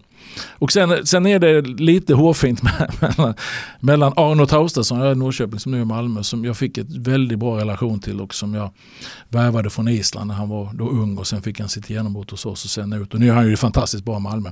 I hård konkurrens med Magnus Turbo Svensson. Mm. Alltså det är också, liksom, vad är det, 50 landskamper på honom va? och det mm. avtrycket han gjorde. Så att, eh, jag har inte bestämt mig ännu. Ja men det var ju en tid, Margus, Magnus Turbo Svensson var ju en tid när vi hade spelare ute i Europa väldigt mycket och det var de som eh, man såg framför sig skulle starta i landskamperna och sen så kommer han in i det EM-slutspelet och är fullständigt fantastisk. Får han man ändå säga. Och kom hem och var, var hemma. Man skrattade lite åt honom i truppen ja, så, och sådär. Men så var han, var han ju i Bröndby, han, var, alltså, han gjorde inte den stora, lite grann, kanske dålig, men lite som kanske Sebastian Larsson nu när han mm. kommit hem i AIK. Fortfarande så tuggade han bara på liksom. Oavsett nivå så gjorde han det han skulle och bara körde en som man älskar att jobba med. Alltså. Turbon funkade. Ja. Han har hållit många bra spelare utanför startelvan. Ja, det, det har han gjort. Ja, fantastisk kille. Eh, men där är vi då inne på, vi väntar lite. Det är det mest centrala mittfält som Som- någonsin eh, ställs och du upp. kan tänka på oss på, fa- fotbollsplan. tänk på fasta situationer. Oj, oj, oj, oj. Och då har vi inte kommit till forward sen. Eh, och då har jag faktiskt haft lyckan och, när jag satt och tänkte efter, jag har ju så många bra forward. En mittfältare som jag glömde hade ju Chabel Toma. Mm. Som jag hade i Halmstad, gjorde 10 mål, 10 assist 2004. Som också var fantastiskt bra. Det, det är hårfint mellan de här. Charbel ta. pratade jag med för fyra dagar sedan. Är på bistron i Rönninge, han är i Södertälje nu. Jobbar Ja. på Astra bland annat. Ja. Eh, och han ska in i podden. Ska vi prata om... Eh, Gör det och hälsa honom så gott. Han var, det året han hade, han hade ju lite skadeproblem tyvärr innan. Men han, han var helt 2004 och eh, då var han fantastiskt bra när vi trillade på mållinjen med, mot Malmö. Men han, eh, vilka avgörande egenskaper, vilka fötter alltså. Fantastisk. Så att han, han är också med i snacket där. Men Ett hedersomnämnande. ett hedersomnämnande. Sen så är vi forwards. Alexander Fransson glömde jag där, men jag kan inte ta ut alla, han är också central. Däremot forwards har jag haft fyra allsvenska skyttekungar jag har jobbat med. Emir Kujovic är en av dem. Nu, han platsar inte riktigt i alla tio slag för att han, det var för kort period som jag jobbade med honom för som han var bra. Men var ju enormt viktig för oss 2015. Jag Gunnar Heidar Thorvaldsson som vann skytteligan 2005 och som jag sen tog hem till i Halmstad då, men som jag sen tog hem till Norrköping och, och eh, blev väl tvåa i skytteligan på 15 baljor det Ja, året. jag. fruktansvärt bra Ja, ja, han gjorde mål. Han gjorde mål. Alltså, hos oss gjorde han mål och sen hade han en karriär däremellan där det inte alls var bra. Men han blev skyttekung. Eh, men de två är utanför. Utöver det så har jag Totte Nyman som jag håller väldigt högt men som då har haft så stora skadeproblem också så det har, varit för, det har inte varit tillräckligt ihopahängande. De två skyttekungarna som blir kvar det är ju givetvis säger då, Stefan Selakovic. Som eh, jag kom upp, när jag blev assisterande tränare till Tom Paul 99 så var Sella, han hade inte riktigt fått sitt genombrott fullt ut. Och jag tyckte att han eh, var alldeles för bra för att inte få ut det. Jobbade lite extra med honom och så här, kände att jag hjälpte honom lite på vägen där i min roll som assisterande. Och sen, sen fick han ett jätte, han var så fantastiskt bra fotbollsspelare utöver att han gjorde mål så var han ju en väldigt bra fotbollsspelare. Så att Sella är med där och sen så är ju den kanske den mest givna av dem alla tillsammans med, är det några stycken, men det är ju Mackan Rosenberg då som, som, eh, som forward också. Som jag hade tog till Halmstad 2004 som var ah, magisk. Har du sett dokumentären på tal om Den var, jag, alltså den var ju igår och jag kom på detta 20 över 9 och då, då var jag trött gick ut med hunden så jag ska se den nu idag. Eh, två frågor. Ja. Ett. Vem har lagkaptensbindeln i det här gänget? Det är fantastiskt roligt. Det är, det är nästan eh, är näst- 9-10 Ja, lagkaptener det, här. och det är, väl, det är väl inte så konstigt för jag tror ofta hamnar man där. Och jag tror väldigt många av de här är tränare, skulle kunna bli tränare och är tränämnen för det är ju de man håller lite högre. Det är bara Micke Nilsson tror jag som inte skulle vilja bli det. Han tycker det är skönt att inte behöva hålla på. Men, men eh, många av dem har ju roll inom fotbollen idag på olika sätt. Men lagkapten, ja det får väl Tobbe Arvidsson bli med sina 336 matcher. Gå på erfarenhet. Sista frågan då bara. Eh, Marcus Rosenberg och du har ju en speciell relation. Det vet nog alla som har följt den svenska fotbollen under 2000-talet. Hur var det där egentligen 2015 i guldmatchen borta mot Malmö när han tar det där röda kortet? Det det- spekulerades ju i och pratades om att ja, men det här var, eftersom Malmö inte hade chans på guldet, att det här var Rosenbergs sätt att hjälpa dig till det guldet ni förlorade tillsammans 2004. Sen var det ju AIK som hade mini, mini, mini häng. Nej, och, nej, framförallt var det Göteborg. Ja, Göteborg, jo. AIK hade lite häng i Örebro men då krävdes mycket. Nej, alla som känner Mackan vet att han aldrig i hela sitt liv skulle göra någonting sånt. eh, Att han skulle tänka på det sättet. Utan han blev förbannad och satte ett knä i, i ansiktet på Linus efter att Linus hade hoppat in i honom ett par gånger i matchen. Så, så var det absolut inte. Däremot är det ju en fantastiskt rolig historia som jag vet inte om jag har dragit den när jag, när jag tog honom till Halmstad. Nej, det har du inte gjort. Då, då, då avslutar vi med den. För det var ju så att hösten 2003 så skulle jag ta över i HBK efter Jonas Tern som jag varit assisterande två år. Innan dess var ju Tom Pahl tränare. Och Tom eh, var i Malmö. Hade kvar sitt hus i Halmstad och var, skulle sälja det. Han hade behållit det i två år och skulle sälja det hösten 2003. Och jag hade ju inga forwards i truppen, de hade försvunnit. Så jag tog in eh, Jao Preko från Ghana, jag tog in Björn Ankle från Nyköping och sen så var det Marcus Rosenberg som var nummer ett för mig. Va? Och Eh, då hade ju, han fick, jag, jag har ju sett honom då ett antal år i, i, i deras B-lag och tyckte han var jättebra. Men han hade ju inte fått chansen och fullt ut. De hade ju Afonso Alves och de hade Niklas Skog. Niklas Skog, Littman Idje. man och Niklas Skog, och hade han landskamp? Niklas Skog har landskamp. han landskamp. Ja, det hade han. Ja. Men, men eh, och så det var inte så konstigt för- och då, liksom, då fick vi ta honom på lån till sist. Men när, när Tom ska flyttar sina sista grejer från huset ute på sina grejer så ringer han mig och frågar om jag vill komma och hjälpa honom. Men det gör jag då. Då är det alltså hösten 2003. Då står han där med sitt släp och sen går vi in och så bär vi några tunga skåp och så när jag ska ta ett skåp så okej, okay, för då vill han inte släppa mackan. Så okej, okay, släpper du mackan till mig nu? Nej, det vet jag inte Andersson. Så, då kan du bära själv, sa jag till honom. Och så vände jag mig om. Och sen då så, ah, sluta nu. Och sen slutade ju det här med, jag ska inte säga att det avgjordes där och då, men jag hjälpte honom att bära och sen fick vi låna Mackan och sen vinner ju Mackan skytteligan 14 mål 10 assist och vi trillar på mållinjen. Fredrik Riss packar ner Mackan i sista matchen. Han är hemma mot Göteborg annars hade vi tagit dem också. Så det var en fantastisk, ett fantastiskt år vi hade tillsammans och Mackan fick ju en enorm utveckling. Det var jätteroligt. Ja, fantastisk story, fantastisk sittning med förbundskapten Janne Andersson. Nu har det gått nästan två timmar sedan vi slog på de här mikrofonerna så det är nog läge att börja runda av. Eller vad säger du Thomas? Ja, för boka april då om ett år i nya stolar, jag lovar. Och då förhoppningsvis står vi inför ett mästerskap. Det hade varit, ja det måste det vara nästa ja, år. Annars, det måste, ja, det måste det vara. Vad gör du annars? Nej jag höll på att säga, nu på någonting, några väl valda ord. Nu ska jag inte göra, nej det, nej. det utgår ifrån. Ja. Kommer du ihåg vilken låt du avslutade med för ett år sedan? Nej, jag är helt ointresserad av musik. Det var Magnus Ugglas tolkning av Olle Ljungströms ja. Jag och min far. Thomas tänkte, fan om inte Janne kör den igen. Ja, hade jag fått välja en så är det, det, det är min gamla far som gick bort för 20 år sedan som lever med mig. Jag tycker det är en så fin tolkning. Så den brukar, antingen är det något du får köra den igen om du vill. Eller så, så kör vi, en annan som jag brukar välja det är trubaduren Magnus Uggla. Wettergren är väldigt bra på att dra den. Men vi, eh, jag hörde Wettergren dra den nyligen. Så jag kör Uggla. Härligt. Jag kör. Trubaduren med Magnus Uggla får avsluta ja. detta otroligt trevliga samtal. Tack för att du kom hit Janne. Tack själva. Eh, vi hörs igen nästa vecka Thomas. Det gör vi. Ciao tutti. Ciao tutti. Na, na, na. Na, na, na, na, na. Na, na, na, na, na. Na, na, na, na, na. Na, na, na, na, na. Na, na, na, na, na. Na, na, na, na,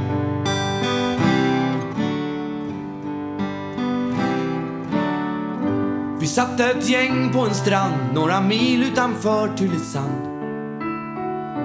Käka korv och chips, rökte för mycket och sänkte en sju, åtta Prips. Jag hade fått span på en dam som kan få en att bli monogam. Och lite vilt gått fram och börjat att köra mitt stora förförarprogram. Då hördes ett Cat Stevens darr till tonerna från en gitarr. Då kom han grabben med G, ja en riktig gitarrknäppare.